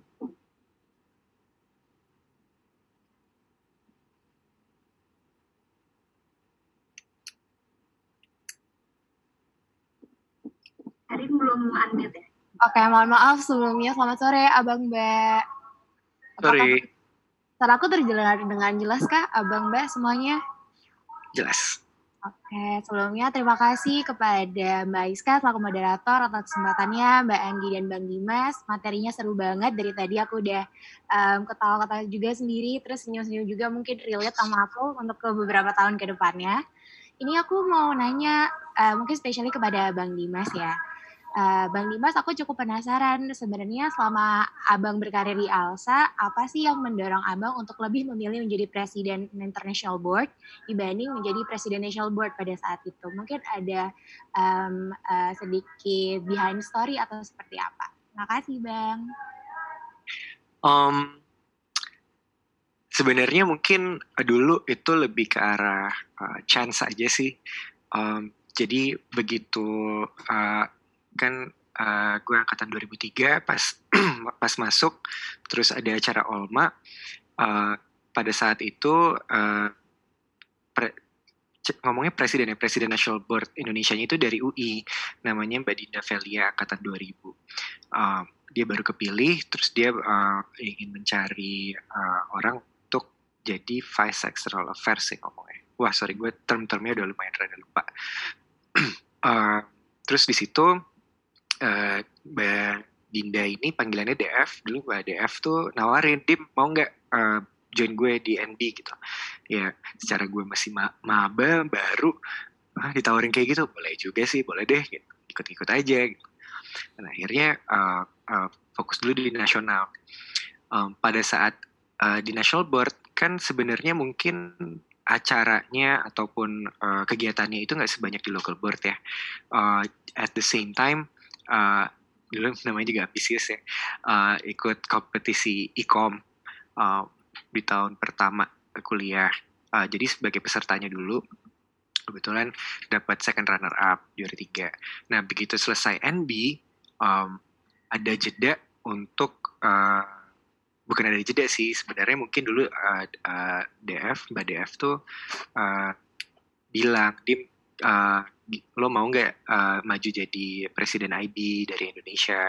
Karena dari Indonesia terakhir tuh tahun kapan deh? Udah lama banget sebelumnya masih jadi sekjennya. Uh, dan uh, terus ya udah gara-gara itu gue kepikiran aja eh uh, boleh-boleh juga sih uh, jadi uh, presiden IB uh, toh juga sebenarnya uh, karena gue udah di national board sebelumnya jadi udah tahu nih orang-orang uh, yang vokal lah dari negara-negara mana dan udah mendekatkan diri. Um, akhirnya uh, iya deh akhirnya paling cuma jeda dua bulan apa tiga bulan uh, di mana di masa itu tuh sempat uh, join betar di uh, LCUI terus uh, jadi masuk ke IB gitu. Nah begitu di mungkin sebelum sebelum masuk IB ya di tahun kedua pas uh, waktunya tuh pas untuk ikom ikut tender uh, jadi vice PO ikom itu juga karena uh, dulu ada teman angkatan kita uh, namanya Umar dia uh, ikut tender PO Ecom terus uh, dia juga yang bilang Dip mau nggak uh, ikut tim gue uh, jadi vice PO Ecom gitu. Wah boleh juga nih. Ya udah deh tau juga sebenarnya kan uh, kegiatan-kegiatan NB gak, gak begitu banyak kan. Kita uh, persiapan pramunas oh, munas terus um, kegiatan-kegiatan lainnya tapi kan masing-masing kegiatan tersebut udah ada panitianya ya. Uh, jadinya ya ditimpa lagi dengan uh, jadi vice PO e-com gitu deh menjawab pertanyaannya nggak ya? Jawab sih. Jadi semua dari menyambut kesempatan itu ya Bang ya. Makasih ya. Oke, kalau gitu ada pertanyaan kedua nih untuk Abang dan Mbak dari Sasha KP 2019. Ingin bertanya kepada Bang Dimas dan juga Mbak Anggi, bagaimana cara meningkatkan kemampuan leadership and be sure of our skill and abilities. Mungkin bisa dimulai dari Mbak Anggi dulu, gimana Mbak? Kalau leadership itu menurut aku, again ini aku berkaca di dunia dunia kerja ya. Kalau misalkan dunia kerja itu how you become a leader tuh basically karena um, you've had training for it. Kalau misalkan kamu tuh kayak junior associate in a in a law firm misalnya, um, kamu tuh akan ikut banyak banget kayak misalnya kerjaan due diligence, you know, things atau kerjaan-kerjaan yang require a big team to do. Kalau misalkan leadership itu menurut aku kadang-kadang ya um, tergantung arahan selain dari diri kamu sendiri, you know, for you to be able to manage your time and manage everybody's expectations. Um, itu juga dikasih kesempatan gitu loh. Jadi kalau misalkan uh, a certain associate gitu aku ngeliatnya have a good leadership skill itu karena superior apa di atasannya dia itu punya trust pada dia gitu. Jadi I'm trusting you to handle this and therefore you need to do this and that. Jadi menurut aku um, yes leadership itu tergantung personality kita juga. Apakah kita we have that in us you know that kind of um, potential untuk to become a leader. Tapi menurut aku juga kedua trust itu juga penting banget. Kalau misalkan if you do your job well people will trust you. Dan yang ketiga dikasih kesempatan gitu. Jadi um, kalau ditanya how to do it you just just make sure that you know you can deliver what is asked from you gain people's trust and in time you will get opportunities from it gitu itu pengalaman aku sih Oke, okay, thank you banget Mbak Anggi untuk jawabannya. Mungkin untuk Bang Dimas, boleh Bang? Sorry, Aiska, tadi pertanyaan leadership and? um, and abilities. Sebenarnya leadership and be sure of our skill and abilities. Okay. Mm-hmm. Um, I think uh, one thing for sure uh, for all of us, for all of you, uh, just do not be afraid to make mistakes. Okay. Jadi um, uh, di generasi gue udah cukup banyak uh, bersaing dengan mungkin uh, uh, expat atau lulusan luar negeri. And obviously in your generation it's actually double or maybe triple in terms of competition. Jadi uh, you know back to the competitive advantage, uh, you need to gain more skills other than uh, you know the the expats slash uh, foreign graduates. Um, so uh, leadership is a main point um, dan itu hanya bisa didapat dengan uh, kalau misalnya kita semua tuh nggak takut melakukan kesalahan. Kalau sudah melakukan kesalahan, itu bagusnya kan kita belajar ya uh, apa yang salah dan kita harus reflect apa kenapa itu bisa terjadi. Jangan sampai keulang lagi dua kali, keulang lagi tiga kali. Nah dari situ kita belajar sedikit demi sedikit apa yang harus kita lakukan dalam apa pun yang kita uh, sedang jalani gitu ya. Um, and then second thing is uh, uh, I agree with Angi. Uh, trust is definitely uh, an important issue. Um, when you have a chance to become a leader in a small group or in a bigger group, um, you are being tested whether you are you become a good leader or just a pain in the ass boss, right? Um, jadi uh, appreciation um, terhadap uh, team members dan appreciation team members terhadap leadership itu uh, cukup uh, penting sehingga kalau misalnya ada trust um, so trust can be built and uh, everything works better with trust uh, itu berawal kalau kalau menurut gue berawalnya dari do not uh, be afraid to make mistakes Um, yang kedua juga uh, be vocal. Hmm. Mungkin uh, dari observasi uh, gue uh, melihat lulusan Indonesia tidak terkecuali lulusan Universitas Indonesia itu biasanya timid, uh, biasanya malu uh, untuk bertanya uh, dan selalu takut dijudge. Dan terus ketemu dengan lulusan-lulusan uh, luar yang memang uh, dari uh, sistem pendidikannya itu mentrain mereka untuk critical thinking. Nah, di jadi uh, Universitas Indonesia dengan segala kelebihan dan kekurangannya, kita sebagai lulusannya juga harus menyadari bahwa market yang ada atau kompetisi yang ada sekarang tuh seperti ini. Jadi gimana caranya kita bisa excel? It's not just about um, IPK atau organizational skill, tapi it's also about the personal development and going back to the uh, uh, leadership skills. Gitu. Oke, okay, thank you banget Bang Dimas dan juga Mbak Anggi untuk jawabannya. Kepada Sasha, sudah terjawab kan ya untuk pertanyaannya? Oke, kalau gitu aku next ke pertanyaan selanjutnya. Ada dari Dian Kadifa, Angkatan 2019, ingin bertanya kepada Mbak Anggi nih Mbak. Nah, sebagai recruiter and also liking English as your subject back then, back then, how important it is for you, it is for us to understand or maybe be near fluent in English. Dan apakah ada saat di mana Mbak Anggi sadar betapa pentingnya to understand and also speak fluent English? Terima kasih sebelumnya Mbak. Well, um, again, aku cuma punya pengalaman kerja di law firm dan kebetulan law firm law firm ini semuanya tuh bisa dibilang kliennya 90% itu asing. So English is definitely very important karena kita juga hari-hari bikin advice atau conference call, even meeting itu kebanyakan memang dengan klien asing. Kalau tidak dengan klien asing, biasanya law firm asing gitu. Nah kalau misalkan ditanya penting enggaknya, hmm, for me as a recruiter, right? So, um, so how things work tuh biasanya kita ada tes tertulis, and then we do. If you do well on your written test, kadang-kadang tuh kalau written test itu kita nggak selalu melihat, oh legal basisnya benar, but it's more like a train of thought gitu. Jadi benar nggak sih dia kalau misalkan karena written test kita tertuliskan of course itu maksud aku tulis tangan um, jadi dilihat dulu train of thought-nya gitu mungkin grammar itu second lah tapi uh, to get you through the door, like one step out the door itu adalah making sure that ketika kamu bikin written test itu train of thought-nya kelihatan dan actually quite clear. Nah, ketika interview itu usually for, that's for me to usually judge satu um, English fluency-nya, proficiency-nya gimana, terus um, personality-nya seperti apa. And yes, for me English proficiency itu penting banget sih. Maybe mix up for like 40 or even 60% gitu.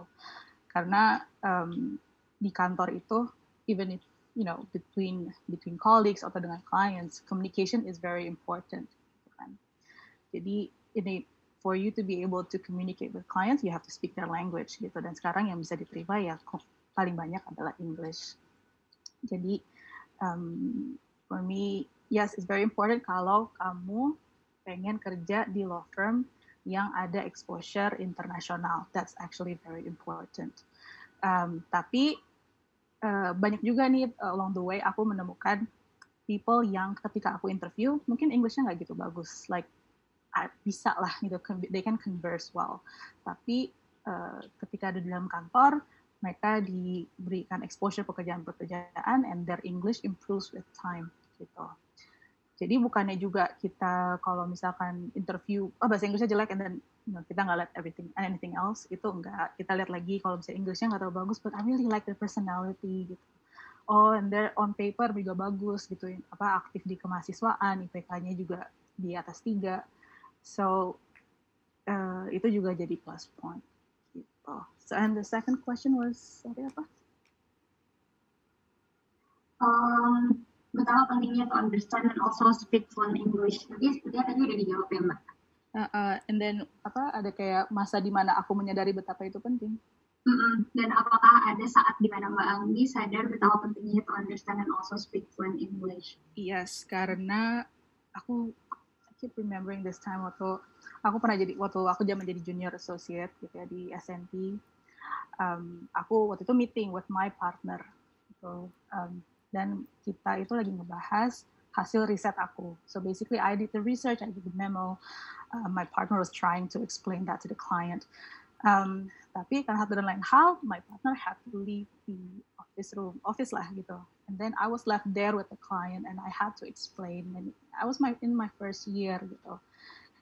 Um, okay, trying to understand is one thing, tapi trying to blurt it out itu another thing. It's very nerve wracking.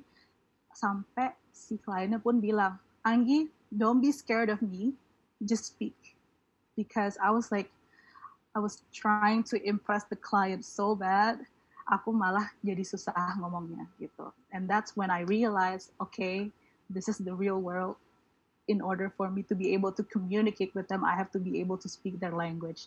Jadi menurut aku itu yang salah satu on the job training yang kerasa banget gitu, yang um, how English is actually very important. Dan I think you guys, you know, nowadays you guys have it better karena sekarang udah banyak banget sekolah internasional dan um, I don't know I think generally ya karena mungkin karena aku ini yang rekrut juga generally um, graduate sekarang tuh they speak a lot better English than my time our time di gitu um, So, ya enggak sih? Oh, aku ngerasanya tuh sekarang kayak tiap kali nge-review apa interview siapa tuh kayak oh they speak very good English gitu. sekarang kayaknya udah like really natural and second language for a lot of people gitu English. So that's for me. Oke, okay, thank you banget Mbak Anggi. Aku jadi semakin disadari betapa pentingnya nih untuk berbahasa Inggris and fluent in English karena emang nanti dibutuhkan banget untuk di dunia kerja. Yeah, especially if you want to work in a law firm yang ada um, international networknya kayak misalkan um, my office sekarang harus Union Partners itu we're part of the Zico Law Network. It's is ASEAN gitu just satu region. Obviously different languages tapi we all speak the same you know English. Um, or even you know other law firms aku yakin teman-teman juga pada tahu um, so many law firms with international network nowadays. And for you to be able to stand out, at least you kind of have to speak fluent English, you know. Okay, thank you so much, Bangi, for the answer. Aku sekarang mau uh, mau menyebutkan lagi ada satu pertanyaan lagi dari Alexander Abisha. Tapi ini ingin bertanya kepada Bang Dimas secara langsung on mic. Kepada Alexander Abisha, aku persilahkan. Uh, selamat siang, Abang. Terima kasih atas kesempatan untuk bertanya. Uh, mungkin aku ada satu pertanyaan yang cukup agak spesifik untuk Bang Dimas. Uh, please do correct me if I'm wrong, tapi saya mendengar bahwa dulu Abang maju menjadi Vice Project Officer di Alsa Ecom, dan tapi kan di saat itu Abang juga uh, apa istilahnya udah punya pekerjaan sebagai IB or NB, if I'm not mistaken. NB. Ya, yeah. yeah, NB. Uh, kan memang uh, kira-kira what motivates you the most ketika abang maju menjadi vice project officer Ecom karena itu kan sebenarnya uh, tanggung jawab yang cukup besar gitu loh bang. Jika dikesamping dia digabungkan dengan bersama NB juga gitu. Itu aja sih dari aku bang. Thank you. Sorry sorry. So so what was the question again? Kayak what motivates you the most ketika abang oke okay. ya yeah, vice project officer Ecom and why it come out of the others. Oke. Okay. Wah, lama-lama ketahuan juga deh nih. Gue dulu mungkin pada dasarnya orangnya ambisius sih, ambi aja. Uh, semuanya mau gue ambil aja pada dasarnya. Um, kan ikom menjadi uh, acara terbesarnya Alsa LCUI. Um, dan mungkin uh, kayak tadi uh, Deska atau Anggi ya yang bilang uh, udah pernah dengar Alsa dari pas kita SMA gitu ya, itu kan mungkin kebanyakan juga dari uh, e-com. Orang tahu kompetisi debat uh, Inggris itu kompetisi Alsa, Alsa, Alsa. So uh, when the opportunity arises, I was thinking, um, why not? Uh, waktu itu akhirnya uh, ya saya dan Umar, uh, Umar tuh uh, PO-nya kita kita setup tim aja, tim kecil ya. Uh, kita percaya bahwa ini bisa dukung kita uh, untuk uh, mengerjakan segala sesuatunya. Um, and at the same time, I have other responsibilities juga untuk uh, the national board. Although, uh, uh, frankly speaking, I'm, I'm, a bit uh, apa namanya not sure in terms of the timeline ya. Um, but uh, back then I don't know. Uh, actually it works. Um, karena kan tuh juga sebenarnya uh, menjadi anggota NB itu tidak day to day uh, job as you might think it would be. Uh, probably morely to weekly or monthly. Um, and it takes like what two to three hours uh, of your weekly time. Um, sedangkan untuk jadi uh, vice PO Ecom, saya melihat uh, akan ada banyak hal yang bisa saya pelajari, terutama uh, selain untuk personal development, uh, tapi juga untuk uh, mengetahui uh, dunia kampus. Uh, uh, mungkin teman-teman di sini nggak tahu deh mungkin sekarang masih berlaku atau enggak ya uh, dulu seru banget tuh politik-politik kampus tuh kan. Uh, ada yang dari uh, mungkin uh, HMI atau dari Kuksa atau dari mana dari mana gitu. Oh, wah itu seru banget sampai uh, dulu mikirnya uh, uh, gue sendiri nggak mau ikutan tapi gue pengen uh, tahu uh, petanya seperti apa sih gitu. dan akhirnya selama menjadi vice PO Ecom pengalamannya juga cukup luar biasa mengetahui hal hal-hal seperti itu tuh yang seru-seru misalnya mungkin uh, dari PO-nya saya waktu itu merep presentasikan uh, golongan tertentu, terus tiba-tiba ada golongan lain yang mungkin gak begitu puas, tuh Anggi udah kata-ketawa tuh. Terus gak gitu puas, terus uh, tiba-tiba kita pasang poster, karena gak tau deh sekarang udah digital atau belum ya di kampus, udah lama gak kampus, tapi dulu pasang poster di mading, besoknya tiba-tiba ada di tong sampah gitu kan. Jadi kayak gitu-gitu kan sebenarnya Hmm, gue ngelihatnya sebagai suatu uh, diversity of our campus juga, uh, diversity of uh, way of thinking juga yang that that pretty much what uh, presents Indonesia dan dan menurut gue itu that's the beauty of Universitas Indonesia juga gitu. Um, so that's that's definitely what motivated me sih. Um, di sisi lain uh, mungkin uh, ya kalau dulu zamannya mahasiswa gitu ya, uh, selalu pengen nambah pengalaman, selalu pengen nambah pengalaman terus sebanyak mungkin supaya ketika di interview sama uh, senior seperti Mbak Anggi ini, uh, jadi ada yang kelihatan bagus lah di CV gitu.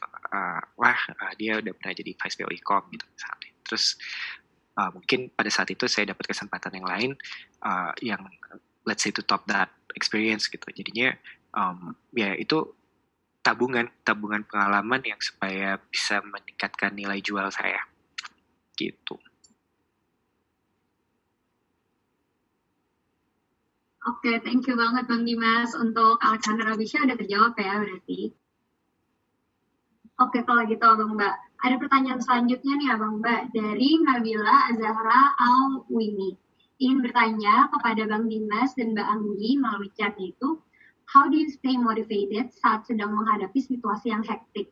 Sama, ada one more specific question for Bang Dimas. Sebenarnya pertanyaan ini ada mirip dengan pertanyaan yang tadi dilontarkan oleh Alexander Abisha, yaitu ingin tanya ceritanya sedikit tentang alasan dulu mau maju jadi VPO e-com padahal pernah ingin maju menjadi NB dan IB. Thank you, uh, thank you in advance Abang dan Mbak. Mungkin dari Mbak Anggi dulu kali ya Mbak.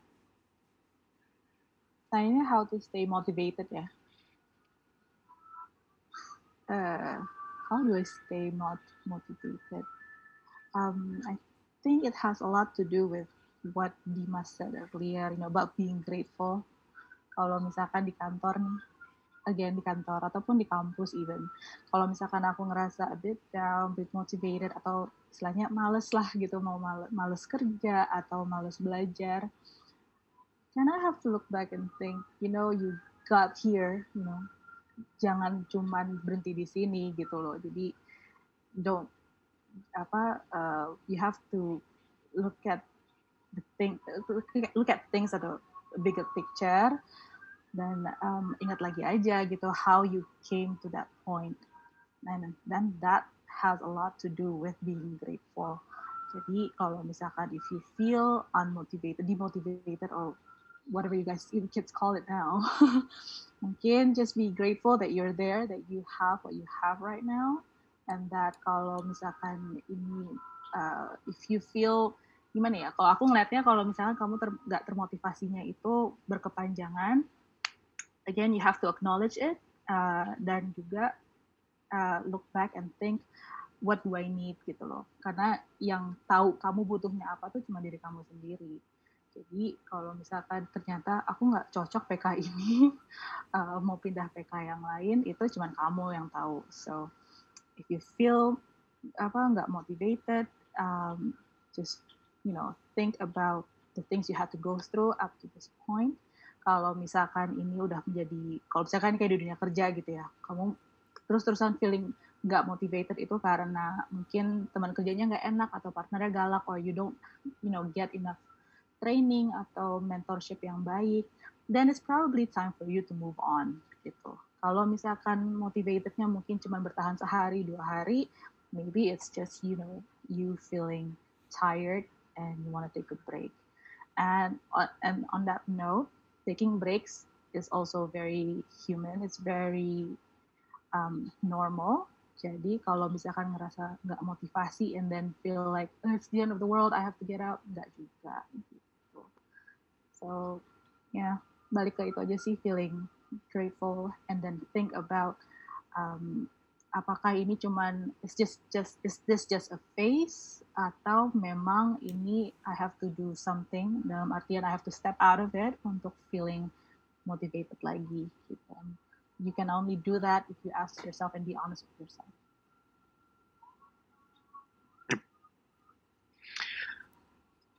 Um,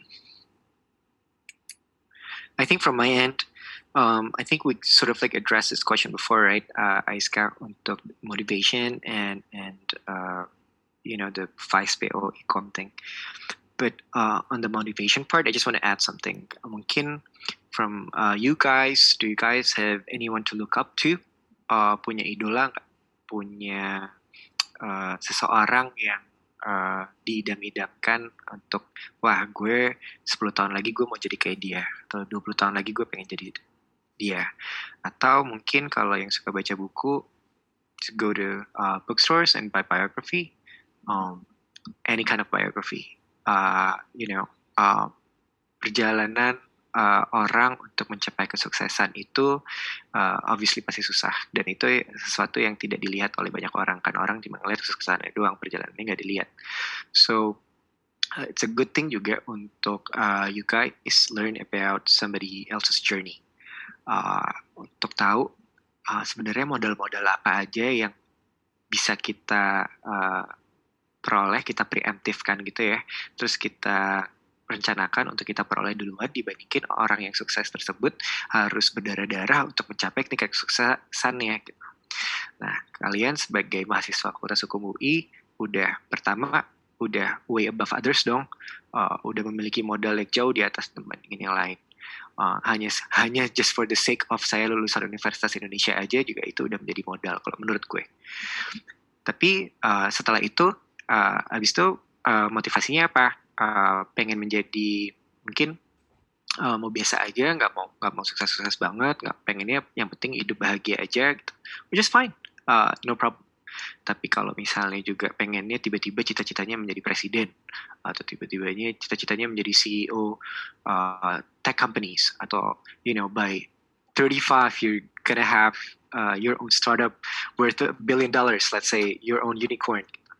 So uh, di situ kan jadi tahu dong, uh, let's say untuk build a startup, what do you need to have, what do you need to do, um, atau let's say by 35 you want to build your own law firm, for example, um, you know what, what kind of specialty that that you want to specialize in, um, uh, itu sebenarnya inspirasi itu cukup banyak di dunia sekitar. Kalau tidak datang dari keluarga, datang dari teman. Kalau tidak datang dari teman, kita bisa cari sendiri uh, kita bisa cari di buku tapi ya sekarang kan udah online ya uh, I mean everyone eh, everything can, can can be obtained online um, baca-baca aja uh, you know siapa yang menjadi inspirasi kalian semua and that's gonna keep you motivated for sure itu sih Oke, okay, thanks a lot Bang Dimas dan Bang Gi for the answer. Oke, kalau gitu masih ada nih pertanyaan. Ini antusias banget ya Bang dan Mbak pesertanya kali ini. Dari Akbar Santara 2019. Ingin bertanya kepada Bang Dimas dan Mbak Anggi melalui chat. Di titik mana sih Abang dan Mbak tahu tujuan hidupnya setelah kuliah mau ke mana. Atau bahkan abang dan mbak udah tahu tujuannya sejak awal. Nah, mungkin boleh tolong share tipsnya agar kita bisa menentukan tujuan hidup setelah kuliah dengan bijaksana. Terima kasih abang dan mbak. Oke, bisa dijawab dulu mungkin dari Bang Dimas dulu, Bang. Oke, okay, kalau uh, gue udah tahu mau masuk fakultas hukum itu dari SMA sebenarnya. Um, karena mungkin lebih ke arah influence keluarga, uh, keluarga banyak yang sekolah hukum. Um, tapi untuk cita-citanya, uh, Iya sih, sebenarnya juga udah tahu dari kecil pengen cita-citanya pengen bekerja di pemerintahan.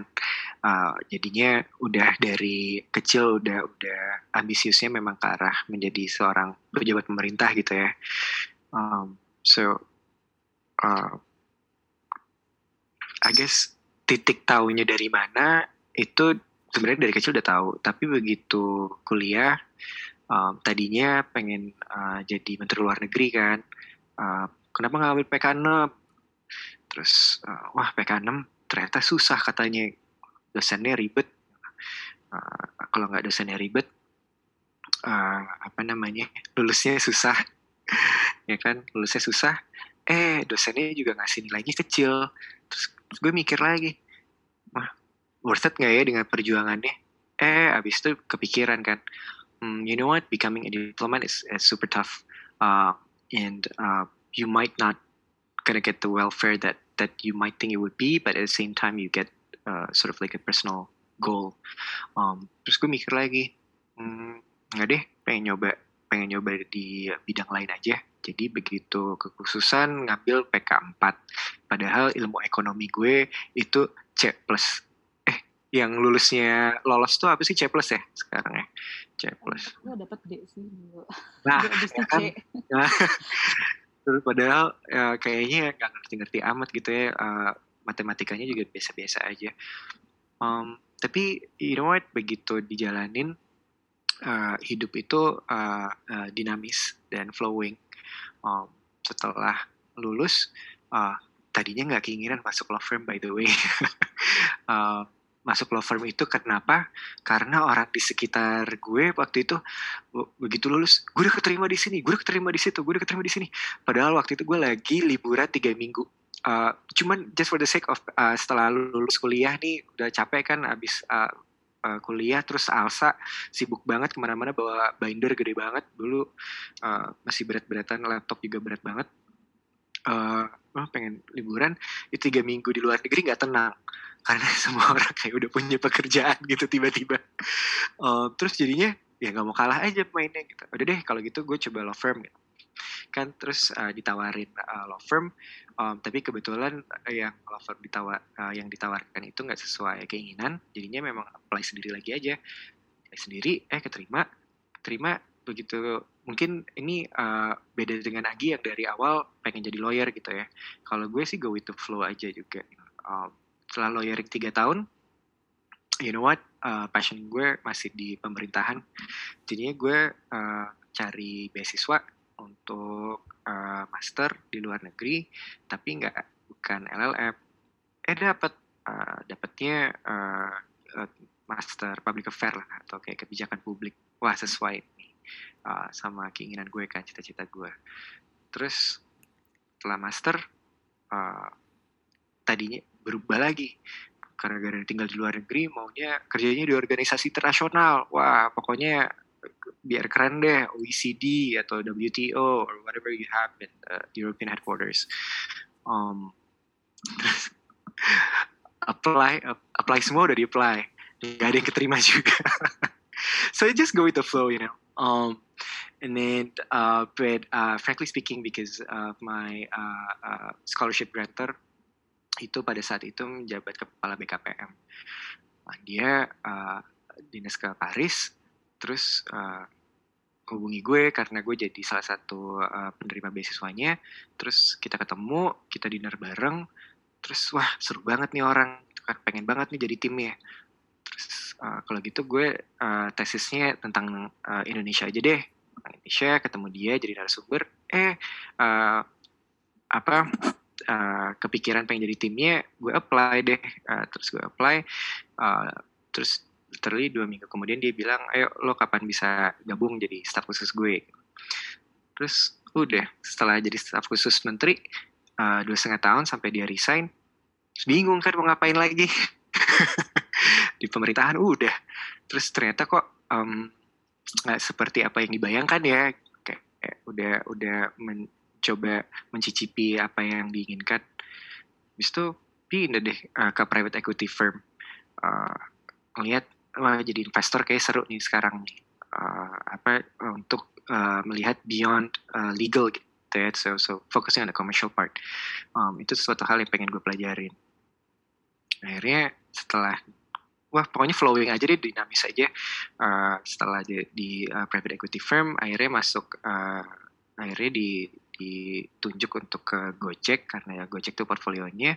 Setelah dari Gojek dua setengah tahunan sekarang di Lazada. Jadi focusing on the tech industry. Um so gue baru mikir lagi sih tadi setelah lulus ternyata gue udah kerja di delapan institusi yang berbeda di delapan industri yang berbeda. Um, tapi apa yang gue pikirkan tuh adalah setiap industri itu me, uh, menabung uh, uh, my knowledge my skill and um, you know uh, hopefully in the near future uh, you know apa apa yang udah gue pelajarin apa yang udah gue tabung sebagai uh, branding gue juga itu uh, uh, you know membawa kebaikan gitu. So um, Ashley kalau awal sih emang ambisius banget tuh kan pada saat masuk kuliah. Tapi begitu kerja juga dinamis dinamis aja. Gitu. Nggak tahu deh kalau Anggi ini kayaknya lawyer nih. Aduh, aku dari apa ya? Um, aku tuh masuk kuliah mungkin sama juga kayak Dimas ada pengaruh keluarga. Because my brother uh, dulu memang lulusan FHUI, dia lulus juga sempat di law firm and all that. Jadi um, banyak pengetahuan aku tentang dunia hukum ataupun dunia kerja setelah kuliah hukum itu memang from my brother gitu. Dan ini juga mungkin um, aku nggak seambisius Dimpi, tapi um, pertemanan gak mungkin pertemanan gak mungkin juga, eh, senior associate itu pasti ambisius Soalnya pertemanan tuh juga ngaruh banget because you know we um, banyak ngobrol sama teman-teman dan a lot of these friends atau mungkin aku juga kenal beberapa alumni-alumni FHUI gitu kan. Jadi banyak bisa dengar-dengar nih bedanya apa sih kalau kita nanti di dunia kerja gitu. Kalau mau law firm gimana? Kalau misalkan mau in-house bagaimana gitu. Dan um, this ini salah satu salah satu um, pesan yang dulu aku terima dan sampai sekarang tuh mungkin I don't know if it's, it's relevant ya menurut menurut Timpi jadi kalau misalkan kamu masuk, jadi kan waktu itu aku pilihannya either I want to go, I want to be a lawyer atau becoming an in-house counsel. Dulu selalu dibilangin kalau misalkan udah lulus kerja, it's best that you try lawyering dulu, kerja di law firm. Why? Because kamu akan exposed to so many different things gitu as a junior associate. You know, spend a couple of years there and then see if it works for you. Kalau misalkan itu yang kamu mau, you like it, then you continue. Kalau misalkan enggak, you're still young enough to try other things. Apa mau coba ke kementerian atau mencoba in-house, different. Gitu. Nah, for me, I think it's quite true. Kayaknya selama kuliah tuh, I'm like 80% udah leaning towards you know going to into law firm. So abis lulus, um, so that's what I did. Tahun dua tahun di uh, lawyering then I like it. Jadi ya terus-terus aja sampai sekarang gitu. Um, tapi nggak berarti kalau misalkan di law firm and then you itu aja gitu pekerjaannya sebenarnya enggak karena di law firm tuh juga um, banyak exposure lain, banyak opportunities lain. Salah satunya mungkin secondment. Kamu bisa seconded to um, kantor internet kantor di luar negeri gitu. Kalau misalkan dulu aku pengalamannya ke kantor SMT waktu itu kita punya kantor di Singapura for a year. Banyak juga yang dapat kesempatan untuk secondment ke kantor client. Jadi kerja di kantor client for a period of time like six months or even a year. Um, tapi again, uh, I don't know. For me, it always comes back to like I like being. I want nggak pengen bilang bilang busybody sih tapi I I do like being busy and being needed dan kalau si ambitious Ini kita ambisinya agak berbeda ya. Jadi kalau misalkan aku, um, I feel like lawyering is quite apa ya istilahnya itu um, it's quite a rewarding profession gitu loh. Like you help clients, like you help people, but it's different, you know. Kalau misalkan you do a good job and then you get a pat on the back from the partner or even from the client, itu kind of makes you keep going gitu. That's why I think I kept going all these years karena um, I just feel like you know I put so much hard work into this and I think this is where my passion is. Tapi jangan salah just because I'm like this, you know, like law firm for like I don't know 13 years now.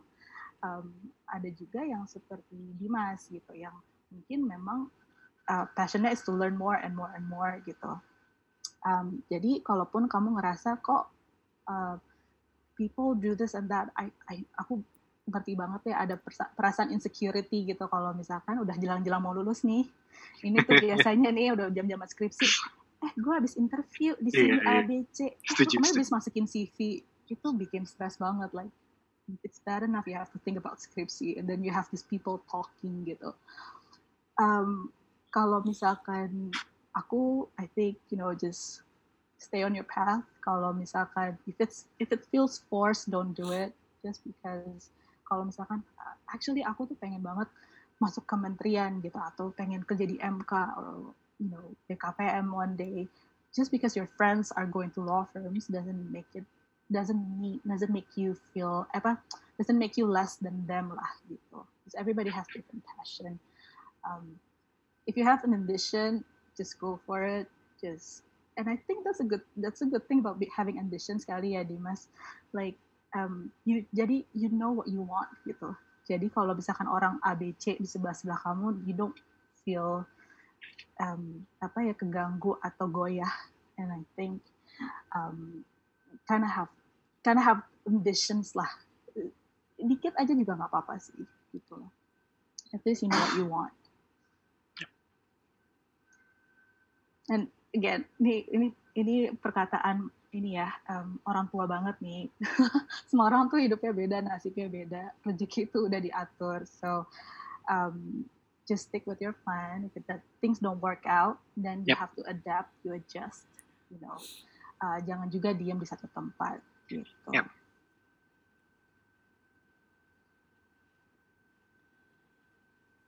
Okay, thank you so much Mbak Anggi and Bang Dimas for the answer sebenarnya untuk menanggapi hal yang tadi, if you're still curious, ternyata tadi ada salah satu peserta yang ngejawab nih tentang demotivation. Katanya gini, dari Vienna. To be honest, for me personally, when I get overwhelmed, I start questioning if all this hard work are actually worth it. Mungkin um, aku bisa langsung karena waktunya udah habis juga nih Abang dan Mbak untuk Q&A dan maaf banget untuk teman-teman yang udah sempat nanya tapi tidak terjawab. Jadi mungkin aku di sini akan ke sesi terakhir yaitu kesimpulan dari pemaparan dari Abang dan Mbak. Jadi dari berdasarkan pemaparan sharing-sharing dari Bang Dimas dan Mbak Anggi, kita di sini dapat simpulkan bahwa ALSA itu sangat bermanfaat khususnya bagi kita ngedevelop our interpersonal skill dan how how we connect with other dan kayak bagaimana cara kita untuk um, manage people yang kadang orang-orang itu bisa berbeda-beda sifatnya. Kalau dari Bang Dimas bertemu dengan berbagai macam um, berbagai macam society, berbagai macam culture tentunya dari uh, around Asia itu merupakan suatu tantangan tersendiri dan selain itu Bang Dimas juga sempat mendapatkan beberapa obstacle yang seperti ada halangan di hamil satu bulan, uh, ada yang bail untuk tender dan lain-lain. Dan untuk Mbak Anggi juga merupakan suatu tantangan sendiri untuk menjadi BOD karena ternyata kata Mbak Anggi menjadi BOD merupakan suatu tanggung jawab yang lebih tinggi dari staf dan BPH. Namun di luar dari semuanya, Abang dan Mbak merasa sangat bersyukur ya Abang dan Mbak untuk berada, berada di ALSA. Karena ALSA ini ternyata membantu juga untuk ke depannya dan di di saat di masa kerja kita. Dan seperti yang tadi Bang Dimas juga sempat mention kalau ternyata Bang Dimas ini juga terbantu banget untuk masuk pertama kali kerja. Karena dari alumni-nya Bang Dimas itu yang sempat membantu Bang Dimas untuk maju IB ternyata ada yang um, membantu Bang Dimas untuk ke, ke law firm or company ya Bang? Ya itu tadi.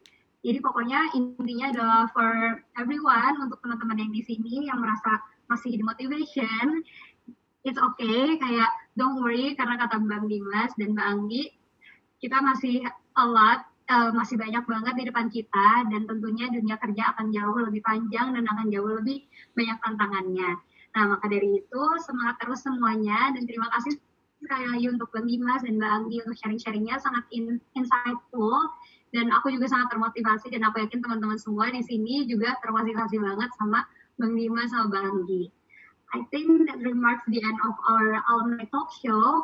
Saya Aiska Karista, pamit undur diri, dan selanjutnya saya serahkan kepada Jessica sebagai MC. Thank you.